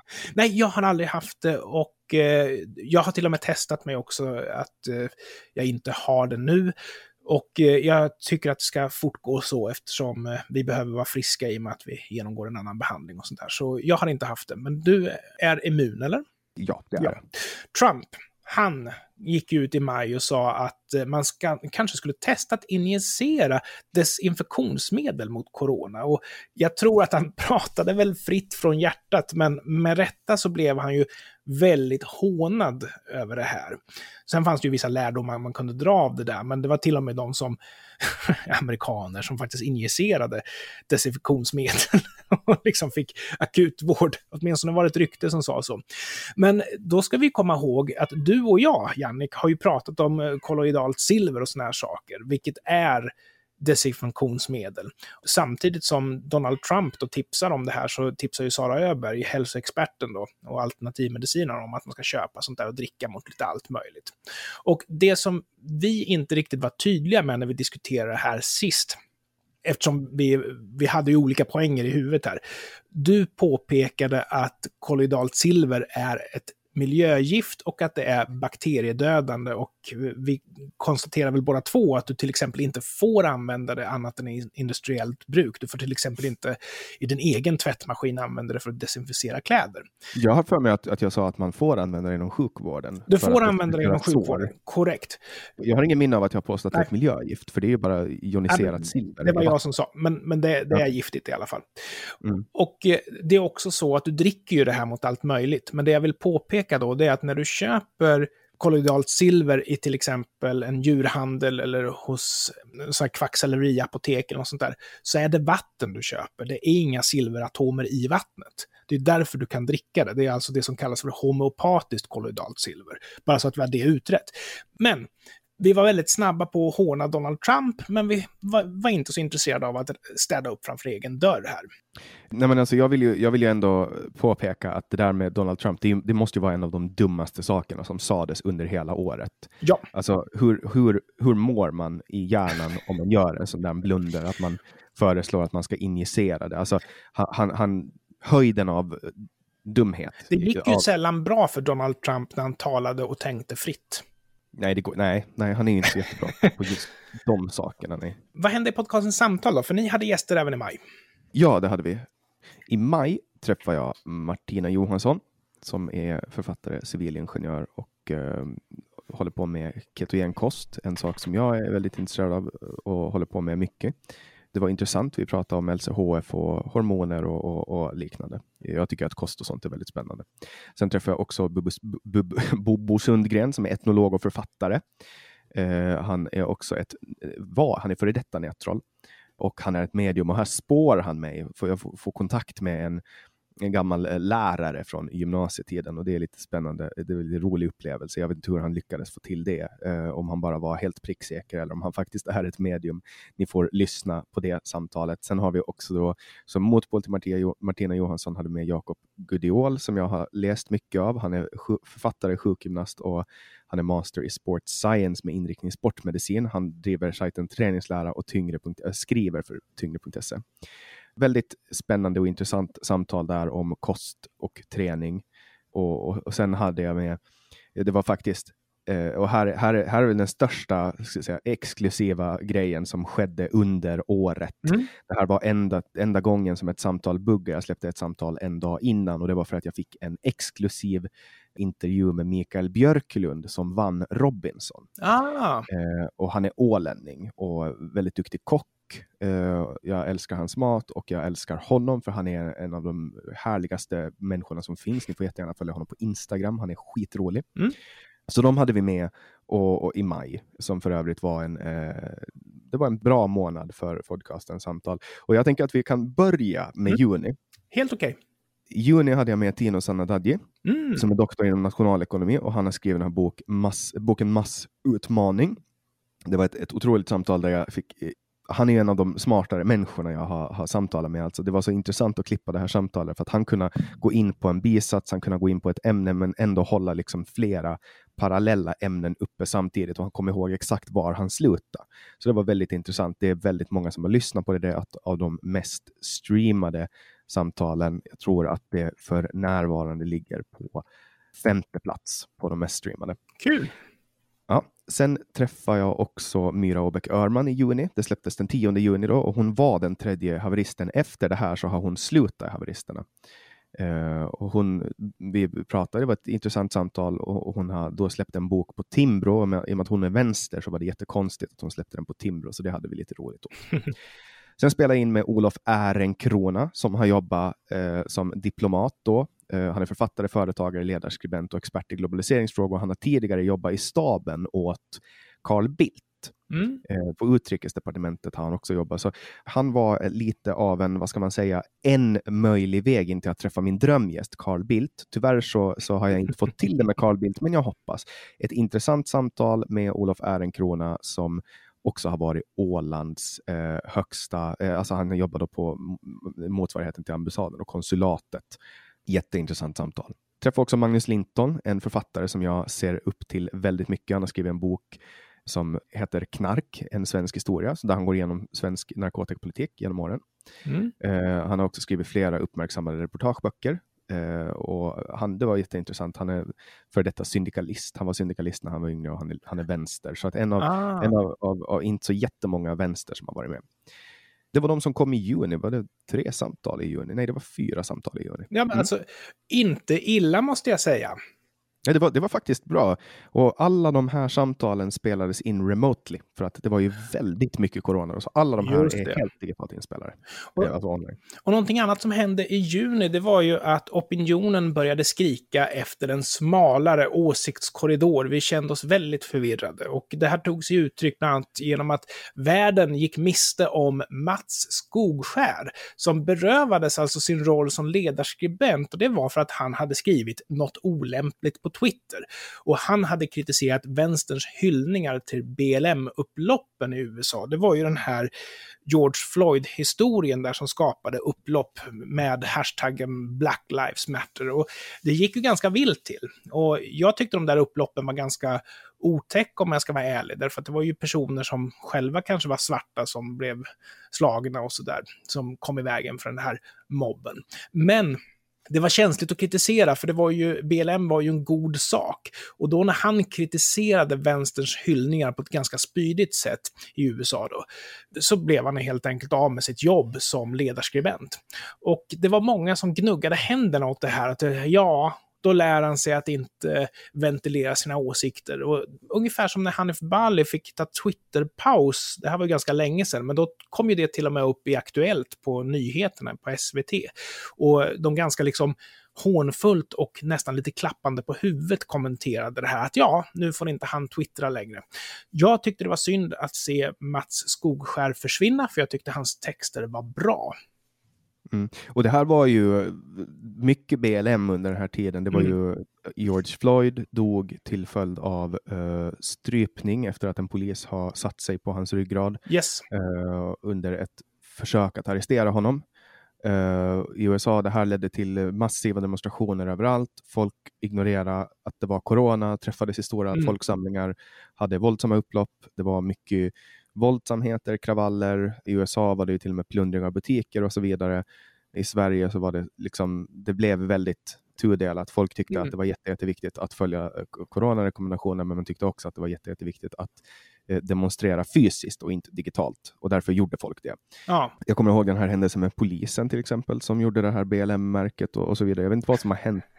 jag vet inte vad som har hänt med henne efteråt, om hon har fått fortsätta eller vad som... Ja, men hon rullade nog på. Jag tror det där betraktades som ganska harmlöst om jag ska vara ärlig. Mm. Men jag minns att det startade många diskussioner och, och mycket, mycket snack om det här. Och, och, nu i efterhand när man kollar på hur, hur smittspridningen har sett ut så, så kanske man nästa gång man ska demonstrera för någonting gör det digitalt. Jag tror att det kan vi lära oss av BLM-sommaren också, att eh, folk känner sig väldigt maktlösa och, och, och, och, är väldigt benägna och är beredda att gå ut och, och liksom demonstrera för, för de här sakerna. Mm. Men jag tror också att Digitalt är svårt, man vill ju ha genomslagskraften, men inte på BLM-tema, men däremot på temat åsiktskorridorer. Så en annan grej som faktiskt också aktualiserades i juni, det var kravet på faktagranskning av debattinlägg. Och det här började väl med David Ebenhart som vi nämnde tidigare. Han har ju en bok som heter Det stora könsexperimentet. Det var den du nämnde, eller du kanske inte ens nämnde vad den hette.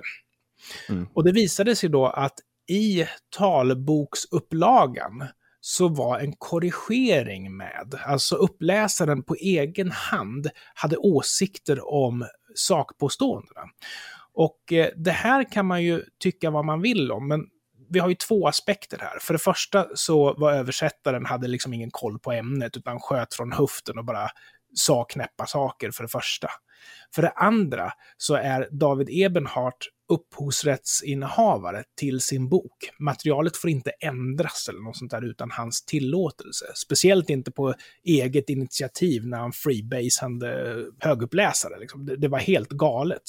Jag tror att han fick en ursäkt för det där faktiskt. Men det andra som hände, som också höjde kravet på faktagranskning, det var att Jimmy Åkesson, lyckades få en debattartikel publicerad där han kritiserade Folkhälsomyndigheten på DN Debatt. Och det var också så här att, ja, kan inte DN Debatt skriva en rättelse på de felaktiga, på, påstått felaktiga påståendena? Men jag skulle ju säga samma sak här, att även här så är det rätt att faktiskt skydda Jimmy Åkesson som upphovsman. För är det så att DN Debatt inte kan stå för att de publicerar Jimmy Åkessons debattartikel, då ska de ju inte publicera den med faktagranskning. Då ska de ju tacka nej till att publicera den. Och är det då så att DN Debatt har publicerat en debattartikel, då är de ju skyldiga att skydda författaren. Den kritik som kommer in till texten får de ju jättegärna publicera, men de ska liksom inte gå in och, och peka i texten. För alla har rätt att höras på samma villkor. Mm. Ja, och opinionen svängde ju där, därför att jag tror att de flesta förstod varför det var fel av den här högläsaren att gå in och peta i David Ebenharts bok. Men jag tror inte lika många förstår varför DN Debatt inte publicerade rättningar inom citat på Jimmie Åkessons text, utan de stod för publiceringen, vilket är det de ska göra. Kan man inte stå för publiceringen så publicerar man inte. Mm. Ja, och om det uppkommer fakta efteråt som gör att man får omvärdera publiceringen så kan man ju göra det retroaktivt. Men, men då ja. gör man ju också, då berättar man ju också att man har liksom, man kanske inte har gjort sitt jobb. Nej, och sen så står det ju DN Debatts fulla frihet att ta in de svar på Jimmy Åkessons debattartikel som kritiserar Jimmy Åkesson för det han säger. Det går ju alldeles utmärkt att göra så. Det är ju det normala liksom. Mm. Känner vi oss nöjda ja. med juni? Ja, det tycker jag. Då är ju jag såklart nyfiken på vad som hände i juli i podden Samtal i juli i podden Samtal. Jag tror att du är plågsamt medveten om vad som hände i, i juli. Eh, men vi börjar med första juli när Maria Hind alias och Alexandra Hedborg var med i podcasten. Första gången som jag hade med två personer samtidigt. Mm. Jag fick en del kritik för det. Folk tyckte att det var rörigt och stökigt och jag gjorde också en teknisk blunder då. Jag hade råkat, jag hade första delen av samtalet så hade jag min datormikrofon inkopplad. Jag satt och pratade i min eh, vanliga mikrofon som jag spelar in podd med, men ljudet togs upp från fel. Så där, där gjorde jag en teknisk blunder och det blev fel, men jag laddade upp samtalet ändå. Jag tycker att innehållsmässigt så var det trevligt. Maria Hindalias och Alexandra Hedborg är två motpoler till varandra, men de är ändå kompisar. Mm. Uh, Alexandra då, som gav mig corona, hon är moderat och Maria Hindalias är socialdemokrat. Mm. Sen i juli så hade jag med mig den mycket eminente Anders Hesselbom. Ja, han är ju underbar. Ja, ja han, han är riktigt nice. Jag fick eh, numret eh, av en lyssnare, tyckte han var intressant och ringde upp honom eh, när han satt och körde bil och han tackade ja. Det här ledde ju sedermera då till att vi, ett, ett eh, missbildat barn föddes, det vill säga podcasten Generation EX som ni hittar på www.genix.se. Jäklar vad jag Eh, och skröt för min fru. Säger jag, "Ha, det där var Jannik från podden Samtal. Ja, det är, ju- det är, det är, för mig är det där jättehedrande att du tycker att mina poddar är bra. Ja, Och, och nu, nu är vi kollegor kan man Mm. säga. Och vi har aldrig träffats. nej. Vi har aldrig träffats. Nej, coronan har ju inte hjälpt till på den punkten heller. Så nej, jag hade Mm. stora planer för december som stiftades i somras. Så jag tänkte att nu ska allt vara över, men nej. Mm, nej. Och, men men eh, under 2021 så kommer vi sannolikt att kunna träffas. Allt annat vore skandal. Mm. Och sen i juli då, 15 juli träffade jag Per Brinkemo. Det här var också ganska roligt att jag hade med honom just här, för bara några, några veckor efter det här så blev ju han han, fick, han blev förlåten av det svenska samhället eh, för sin stora citationstecken tabbe, slutcitat. Ja. För han har då pratat om klanmentalitet och det har gjort honom till rasist. Ah. Eh, han blev deplattformerad, han har liksom blivit av med jobb och pengar och haft det jättejobbigt på det sättet. Och vi pratar mycket om det här. Och sen då när man började i höstas prata om klan igen, då, blev han, då accepterades han igen. Så att det, var kul. Eh, Så Mm. att, är ett jätte, eh, s- samtal som, som jag lärde mig jättemycket av och som alla borde lyssna på. För att det här liksom verkligen kapslar in den här rädslan för ordet rasist och så. Han, för han har jobbat med integrationsfrågor på riktigt och han har liksom, han pratar om klansamhälle och nu när vi har väldigt många klaner som strider med varandra i Sverige så är det ganska intressant. Sen 22 juli hade jag med Sofia Reideborn som är hockeymålvakt Mm. och hon hade ett sommarprat där hon sa att eh, hockeyspelare inom kvinnohockey då inte förtjänar att tjäna mera pengar än vad de gör.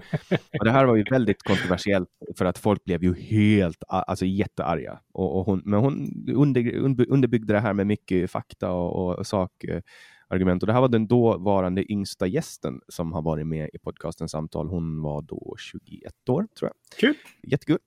Och i juli hade jag Kai Remme som är major, eller som, ja, han är major i svenska flygvapnet då, och försvarspolitisk talesperson i partiet med borgerlig samling. Ah. Och det var ett intressant samtal. Vi tog lite, vi pratade mycket försvarspolitik och det var intressant. Jag tycker att det var, det var, ett, det var också ett väldigt intressant samtal. Och det var de som jag hade med i juli. Vad hände i juli då, Anders? Så Julia var alltså lika prominent som vanligt i... Nästan lite extra prominent då, får man... Nej, men eh, det vi andra diskuterade, jag får säga, det var ju det här med historier om lärare som får repressalier efter att ha tillrättavisat elever började på att dyka upp. Och det var bland annat någon som hade blivit åtalad för att han hade flyttat undan en elev som medvetet ställde sig i vägen. Det fanns någon annan som hade blivit åtalad för att ha utvisat en elev som störde och sådana här saker. Så Alltså utvisa ur Sverige.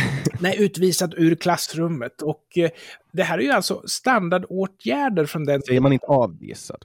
Avvisa, tack så mycket.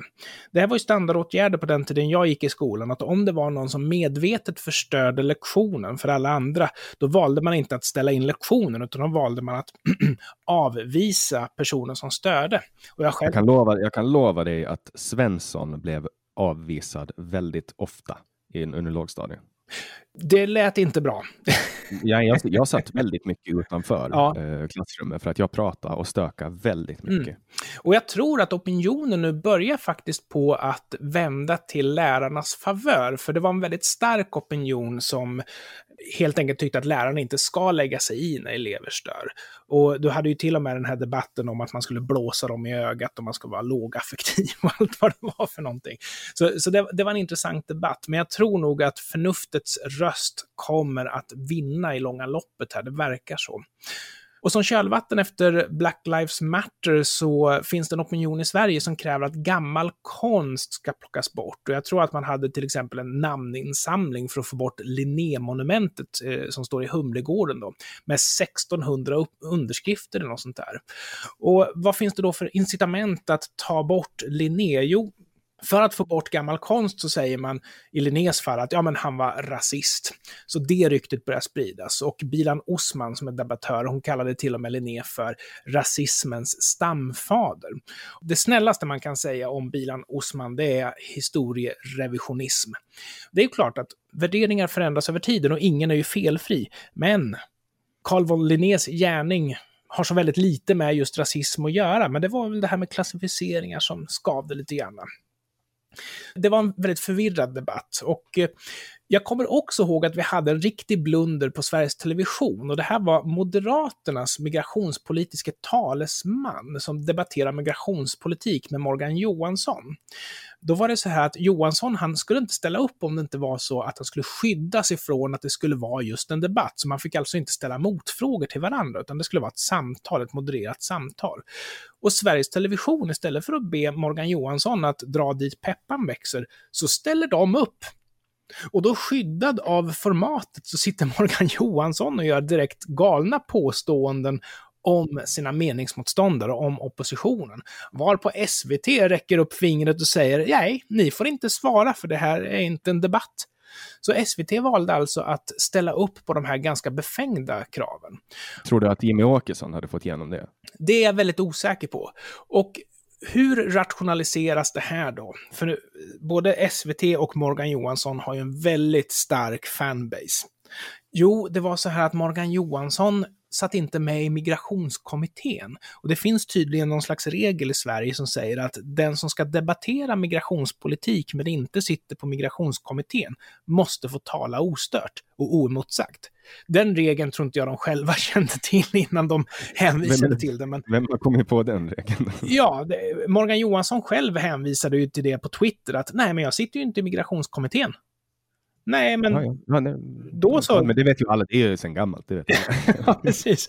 Nej, så, så återigen en chans att aktualisera frågan om att kanske lägga ner Sveriges Television helt enkelt. ja, ja. Du, du, vet ju vad jag tycker där. Bort med skiten. Ja, ja. Nej, jag är mer SVT-vänlig än vad du är. Men eh, det var ju sommar. Nu går vi mot hösten. Vad hände i samtal i augusti? Mm, jag vill ju ändå påstå att det var väldigt mycket sommar under augusti. Ja, det var varmt. Mm. Det som hände i augusti var att jag och min vän Jonas åkte iväg till Gävle på trav. Ja. Med oss i hästbilen tog vi min utrustning och där träffade jag Irma Schörling mm. som blev den dåvarande yngsta gästen. Eh, och hon då, känd från Twitter där hon skriver om feminism, sex och vänsterpolitik och vi hade ett bra samtal bak i hästbilen. Det var en rolig upplevelse och här börjar mitt, mitt, intresse, mitt intresse för trav börja trava där i samma, samma, samma veva. Det var, jag, började, jag började bli väldigt bekväm kring hästar och jag tycker att det, det har ju, för alla som har följt och lyssnat på podden vet ju att numera tänker jag på väldigt lite annat än hästar. Jag tänker väldigt mycket på hästar. Den 12 augusti var det dags igen för mig att och det här var ju då, för att påpeka det, det var ju första samtalet fysiskt på väldigt länge. Mm. Jag fick då tåga in i Gustav den tredjes kontor på Chimney. Eh, mm, och spela in med Mattias Våg. Och det var väldigt roligt, i att han då är kommunist och eh, kommunister är ju inte royalister och eh, Gustav den tredje var ju den kungen då som blev skjuten. Mm. Så att det var ju lite, det var, det var ju lite högtidligt. Uh, intressant samtal. Uh, visar sig att alltså, jag stödjer ju den, den formen av kommunism som, som Mattias Våg uh, uttrycker inom ramen av det fria samhället som jag upplever att det är ett fritt samhälle där till exempel folk som Mattias Våg får starta ett eget litet samhälle någonstans ja. så länge han inte tvingar in folk i det. Ja. Och sen vidare då i Gustav den tredjes kontor dagen efter så träffar jag Mustafa Panshiri mm. som är före detta polis då och integrationsföreläsare och han har varit, han har varit medförfattare till boken Det lilla landet som kunde som kom ut 2017. Det här var också ett jätteintressant samtal där jag lärde mig väldigt mycket om Afghanistan och deras kultur. Det tyckte jag var kul och intressant. Och samma dag var jag också ute och tittade på min skola som jag skulle börja i, som jag då några veckor senare började på. Då spelar jag också in då som första samtal som boende i Sverige, även du igen digitalt. Och den 26 augusti spelar jag in med Johannes Nilsson. Och han är en poddare som jag har lyssnat mycket på. Han har drivit flera olika poddar och jag tycker att han är jätterolig att lyssna på och därför var det väldigt spännande att få podda med honom. Han skriver för sajten Nyheter idag och den podden som jag har lyssnat på är Magister. Den är avpublicerad, den finns inte längre. Men, mm. men uh, det är också ett samtal som var intressant för mig. Och Det var allt som jag spelade in i augusti. Vad hände i augusti, Anders? Det som inte hände var att Pancinis film kom ut som jag var med och crowdfoundade. Vi får se om den är nedlagd eller vad som händer. Lort-Sverige 2.0 tror jag den skulle heta. Du kan få hans nummer om du vill. jag pratade med honom för inte så länge sedan. Jag litar på att han sköter sig. Jag tror att den skulle göra den tillsammans med Jens Ganeman faktiskt. Mm, det, har ju, det har ju, corona har ju ställt till för väldigt ja, många. Så. det är sä säkert så.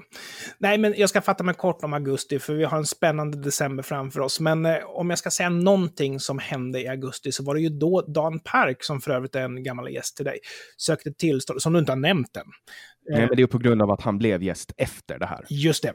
Han sökte tillstånd för att bränna Koranen och det skapar ju den här debatten som vi pratade om i början då, att huruvida vi kan använda lagen om hets mot folkgrupp för att förhindra hädelse. Och för att kunna göra det så måste man ju koppla ihop religionsfrihet med rasism. Och det gör ju gärna Anders Lindberg på Aftonbladets ledarsida, att eh, koranbränning är rasism. Och eh, eftersom det var just Dan Park som sökte tillstånd så har han ju faktiskt det argumentet på sin sida eftersom Dan Park i sin tur är väl åt det hållet i sitt sätt att resonera. Men jag har inte så mycket mer att säga om augusti.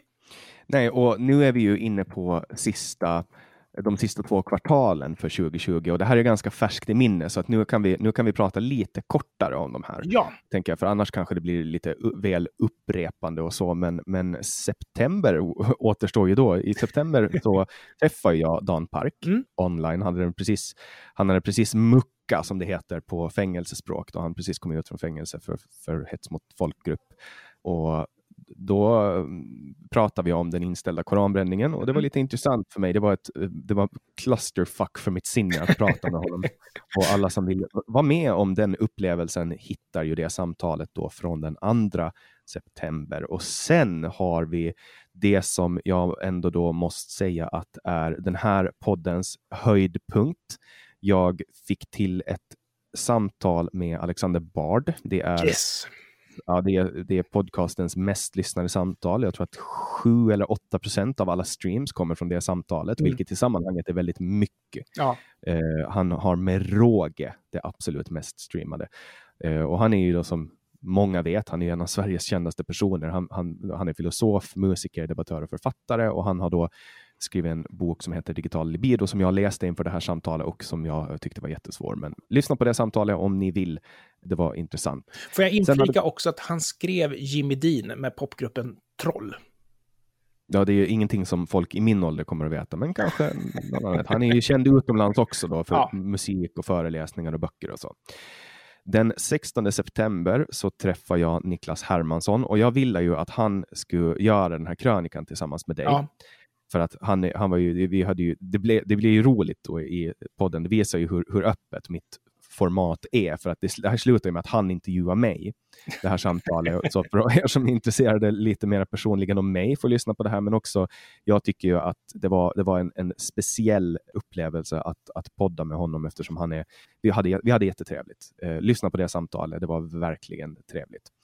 Sen träffade jag en psykolog och sexolog som heter Tanja Suhinina spela in hemma hos henne i Solna. Hon lever då icke-monogamt, det vill säga att hon har sex och eh, rel, re, vad säger man, relationer, eh, romantiska relationer med olika människor. Mm. Ett intressant samtal för de som är intresserade av psykologi. Och sen då, september blev ju en, en ganska tät månad, för det var en, två, tre, fyra, fem samtal, mm. varav två var väldigt speciella. Alltså det som kom den sista september, den 30 var då Navid Modiri, som är fader till den här podden, eller farfar kan man väl säga. Det är jag som är fader till den, han är farfar. Min inspiration till att starta den här podden kom därifrån. Jag fick möjlighet att spela in den här i hans studio med hans mikrofoner och vi hade en riktigt trevlig stund. Så det var, det var för mig var det ett breakthrough att få göra det här. Det kändes verkligen, eh, det, var, det var heligt mm. att, att mm. spela det här samtalet. Så att september är ju min bästa månad någonsin för samtal. Eh, samtal var ju då en av de mest streamade och låg på topplistorna för min kategori, eh, samhälle och kultur. Kanske kommer det aldrig någonsin att kunna överskuggas av september som var lyckomånaden ur den här podcastens perspektiv. Men övriga samhälle då utanför mitt snäva eh. Ja, vi andra, vi diskuterade brott och straff. På den här tiden så var det extremhögern, sa man, som ville ha hårdare straff. Och man gick ganska hårt fram och propagerade för att nej, nej, nej, hårdare straff, det kan rent av öka brottsligheten, säger Jerzy Sarnecki i en debattartikel. Så vi debatterade huruvida höga fängelsestraff ska få bukt på brottsligheten. Och den ena sidan säger att ja, men det finns ingen vetenskaplig grund för att hårda straff avskräcker.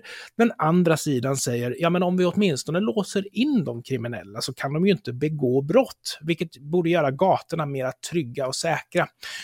Och när vi äntligen var överens om att vi inte ska ha hårdare straff, ja då kliver den sidan som ville ha lägre straff fram och säger att ja men vi måste höja straffet på sexköp för att det ska avskräcka.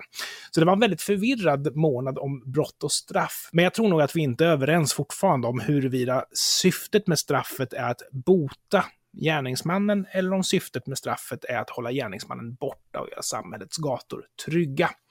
Märker du att vi närmar oss sista kvartalet nu? Ja, för nu, nu är det ju, jag sa ju det eh, när vi hoppar över till september, att, att nu, vi, vi ska inte tjata ut. De, den sista tiden så ska vi inte tjata ut med saker som är så pass färska i minnet. Men oktober, eh, här fick jag möjligheten att göra någonting det här är alltså det avsnittet som, som släpptes då i 7 oktober med Anders Eriksson som överlevde eh, MS Estonias förlisning på Östersjön.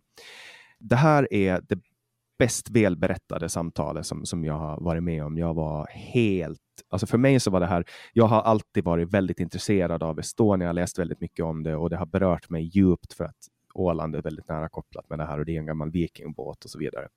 Så att det här var, det var helt otroligt att få göra det här och, och, och, det som, som jag personligen upplevde under min podd eh, med honom var, det var storslaget. Det här var första gången då som jag hade med ett intro. Jag gjorde, jag gjorde ett litet inslag som jag läste upp. Det var kanske två minuter.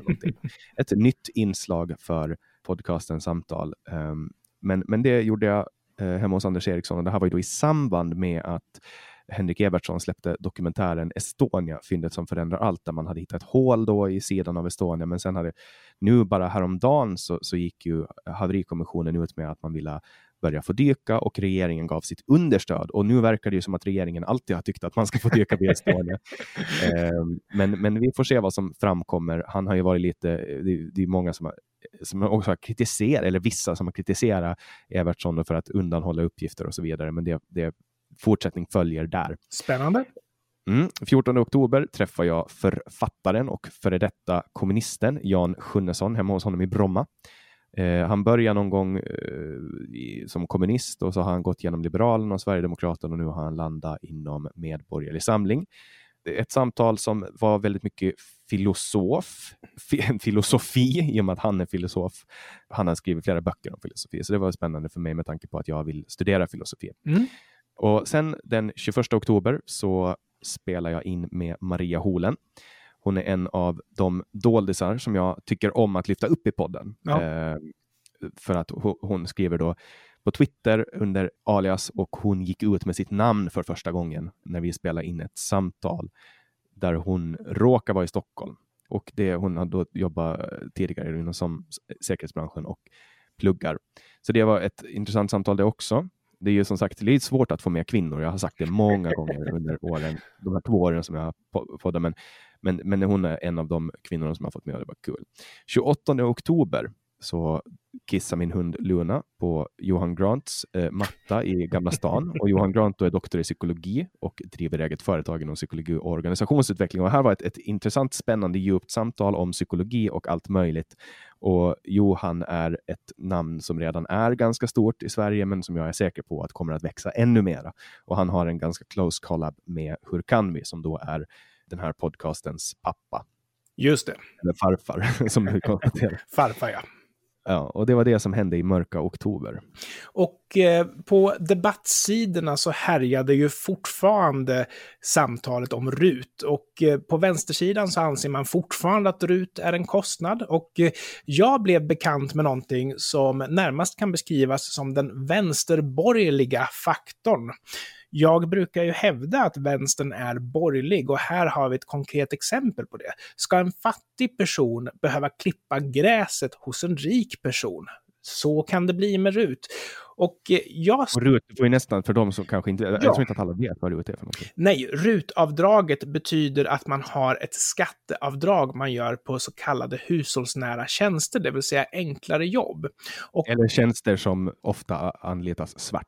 Ja, man vill ju bli av med det. Och av samma skäl så har man ju faktiskt någonting som kallas för rotavdrag. Och det är ju alltså byggbranschen som kan dra nytta av det här. Och det är också ett sätt att göra svarta jobb vita och att kunna göra vita jobb av, av den typen av yrken som kanske inte tål samma höga beskattning. Rutavdraget, det skulle kunna vara till exempel att vara serveringspersonal på en privat fest. Och det är ju ganska självklart att en, en sån tjänst inte tål samma höga beskattning som till exempel en mjukvaruutvecklare tål. För om det är så att det blir för dyrt att använda serveringspersonal på en privat fest så finns det ju alltid en risk att det sker svart. Och rutavdraget påstås ju vara en kostnad eftersom staten får in mindre skatt. Och faktum är att det finns faktiskt kostnader associerade med det här, nämligen att utländsk arbetskraft kommer in och, och, tar liksom jobb. Men på det stora hela så är det faktiskt en vinst och det beror på att fler har kommit i arbete, man får bort eh, belastningen på kommunernas arbetslöshetsersättning och sådana saker. Och man har gjort svarta jobb vita. Och det bästa beviset för att eh, det här inte är en kostnad, det är ju faktiskt att regeringen, som är principiell motståndare till rutavdraget, ändå väljer att ha det kvar. Men den vänsterborgerliga faktorn skulle jag säga var på tapeten i oktober. Vad hände i podcasten Samtal i november? I mörka november som eh, också var mörkt och tråkigt i allmänhet eh, spelar jag in med Diaco Quadri mm. som är 21 år gammal och som är då tidigare barnsoldat där han stred mot Isis. Mm. Eh, han kom till Sverige med flyktingvården 2015 och nu pluggar han i Stockholm med målet att bli civilingenjör han är intresserad av industriell ekonomi. Och det här var ett inspirerande samtal som är ett av de absolut mest berörande jag har haft. Eh, jag grät till och med under samtalet. Det kom tårar. Jag det hör, hörs, hördes inte, men, men så var fallet. Och mm. En vacker historia, men också väldigt mörk och, och, och så ger en djup förståelse i hur, vad, alltså hur, hur stor skillnad det faktiskt är på var man föds Diako är ju för övrigt en, en, inspiration för oss alla. Han har lärt sig svenska på fem, fem år. Han, han är liksom framgångsrik i sina åtaganden och han är, han är en inspiration på många olika sätt. Och, och han eh, tränar mig också i badminton, vilket är ganska kul. Jag tycker jättemycket om att spela badminton med honom. Eh, sen i november så fick jag en period där jag blev närmast besatt av Knutby-sekten.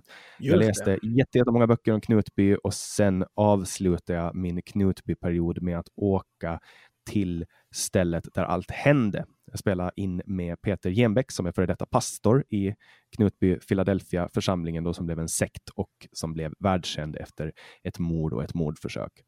Eh, och han har då skrivit Knutby inifrån, en bok som kom ganska nyligen.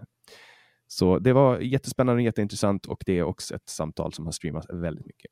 Sen har vi Johan Westerholm som jag spelar in med. Just Den 18 eh, november släpptes det samtalet och han är då tidigare underrättelseofficer, vilket jag tycker att det är jättespännande att få höra liksom, om, mm. om hur underrättelseverksamhet fungerar. Det är ju inte så att man får åka på eh, besök till, till deras kontor och titta på hur de håller på med och sånt, utan det är ganska hemligt.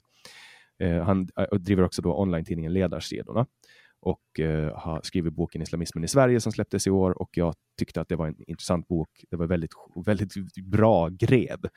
Så det, det, tycker jag också att alla kan lyssna på. 25 november, som var för bara några veckor sedan, en månad sedan, spelade jag in med Ann Fernholm. Hon är doktor i molekylär bioteknik och vetenskapsjournalist och författare. Och det är hon som har grundat Kostfonden som är den enda non-profit organisation som jag skänker pengar till. Varför? Eh, därför att de jobbar med någonting som är, det är extremt effektivt sätt att uh, hjälpa folkhälsan. Då, i och med att uh, Sverige vet, kostar ju 70 miljarder per år ungefär, kostar övervikt, mm. alltså fetma kostar samhället. Och det som kostfonden gör är att de försöker fylla kunskapsluckor inom forskningen då med kostens påverkan på vår hälsa, för att det är faktiskt genom det som man kan spara mest pengar. Så det, ja, det, det jag tycker det är väldigt intressant och för de som vill grotta ner sig i ännu ett nischat samtal tycker jag ska lyssna på det och det var också det sista för, för november. Och då kan jag säga någonting om november också. Och det var ju att vänstern som gnäller över att SVT minsann inte är vänstervridet. Deras gnäll fick en ny ton när det visade sig att ett satirprogram som heter Svenska nyheter bjöd in bland annat högerprofiler, Hanif Bali med flera, att sjunga i satirprogrammet tillsammans med några från vänstern. Och då helt plötsligt var det nej, nej, nej, vi kan ju inte ha folk som är höger i våran tv-kanal, tyckte vänstern då. Ja, eh, och det här är ju så färskt i minne. Allt det här, de har ju gjort flera saker eh, som har varit eh, speciella, alltså, alltså, Svenska nyheter i den mån att de då börjar slå mot vänstern och det har varit lite spännande att följa. Mm. Men det finns inte så jättemycket mer att säga om november eftersom det är så nära inpå. Mm. Och, och då tänker jag också att, jag tänker så här Anders, Mm. Vi är ju fortfarande i december och vi, vi har fyllt upp tidskvoten. Uh, och jag tycker att det har varit jättekul att spela in det här och jag tänker att vi kan göra en fortsättning av den här krönikan nästa onsdag på Generation YX. Det här avsnittet är ju speciellt i den mån att det är inte ett samtal, eller jo, det är ett samtal mellan dig och mig, men det är liksom en hybrid där vi har ja. slagit ihop generation YX och samtal. Och anledningen till att det eh. här passar ganska bra, det är ju för att i och med att vi har kommit in i december, och en grej som generation YX faktiskt gör, det är ju att prata om aktuella samhällshändelser från ett generationsperspektiv. Så då kan vi ju alltså se det här som vår normala samtidsbevakning lite grann. Och det är ju lite grann det vi gör i generation YX, medan ni fördjupar er i personers bakgrund och berättelser, så kommer vi att kritisera samhället hårt. mm. och jag, jag, måste säga att jag är jättestolt över det vi har skapat i Generation YX. Ja. För att det här är ett projekt som är levande i den mån att att det startade under inspelning och det har utvecklats under inspelning. Vi har egentligen inte haft ett så låst format, utan det har utvecklats och, och desto mera vi poddar, desto roligare blir det. Jag märker hur jag utvecklas jättemycket mm. som person. Och jag tycker också att vi började svagt i generation YX, men att vi idag gör en riktigt intressant och riktigt stark podd. Så den rekommenderar jag att ni också lyssnar på. Mm. Vi blir bättre och bättre. Och, och, för mig är det mitt lilla, alltså för mig är det det här projektet som jag verkligen gillar. Alltså jag skulle fortsätta med det här även om vi bara hade fem lyssnare varje månad, varav jag och Anders var två. Men nu har vi faktiskt eh, ganska många lyssnare som också är med i vår grupp, då, Generation YX-gruppen. Mm. Eh, och länkar till den kan ni hitta på www.genyx.se. Det finns en länk där på Facebook och länkar som berör podcasten Samtal hittar ni på www.samtal.ax. Eh, så med det så, tusen tack Anders. Tack så hemskt jättebra. mycket. Det var jättekul idé att göra en julkrönika. Mm, och jag, tyckte, jag tyckte att du, du gjorde det bra. Du är, man märker att du är en av Sveriges eh, mest rutinerade podcaster. Jag du är så att... artig och snäll så. ja, men vi, det här är året för oss Anders. Ja. Vi, vi, vi, vi, ska ta över hela marknaden. Vi ska klippa SR stång, vi ska göra kaos med dem och så ska vi lämna tillbaka dem till regeringen utan huvudet, du vet. Och det så tackar jag dig Anders och tack till alla er som under det här året har följt med podcasten Samtal under etableringen i Sverige som börjar med Axel Luo Öman i april, nej vad säger jag, i februari och sträckte sig ända fram nu till december. Jag ser fram emot ett fantastiskt kommande år och jag hoppas att ni fortsätter att tipsa om gäster, fortsätter att vara med i gruppen, samtalsgruppen för podcasten Samtal, att ni fortsätter donera pengar, eller ja, donera pengar heter det, på Swish, eh, på Paypal, på Patreon, alla de länkarna hittar ni i avsnittets beskrivning som vanligt och mera på www.samtal.ax. Och sen vill jag också tacka alla lyssnare till Genyx, för det här kommer att korssändas. Vi kommer att lägga ut en liten pitch på Genyx, eh, eller Generation YX, som kommer att hänvisa till det här samtalet. Så jag vill tacka alla som har lyssnat på Generation YX också för ett fantastiskt halvår som vi har haft och jag ser jättemycket fram emot nästa år. Jag är nästan lite nostalgisk och känner att jag är jättestolt och glad och nöjd över vad det här året har gjort, även om det har varit ett vidrigt år ur många hänseenden.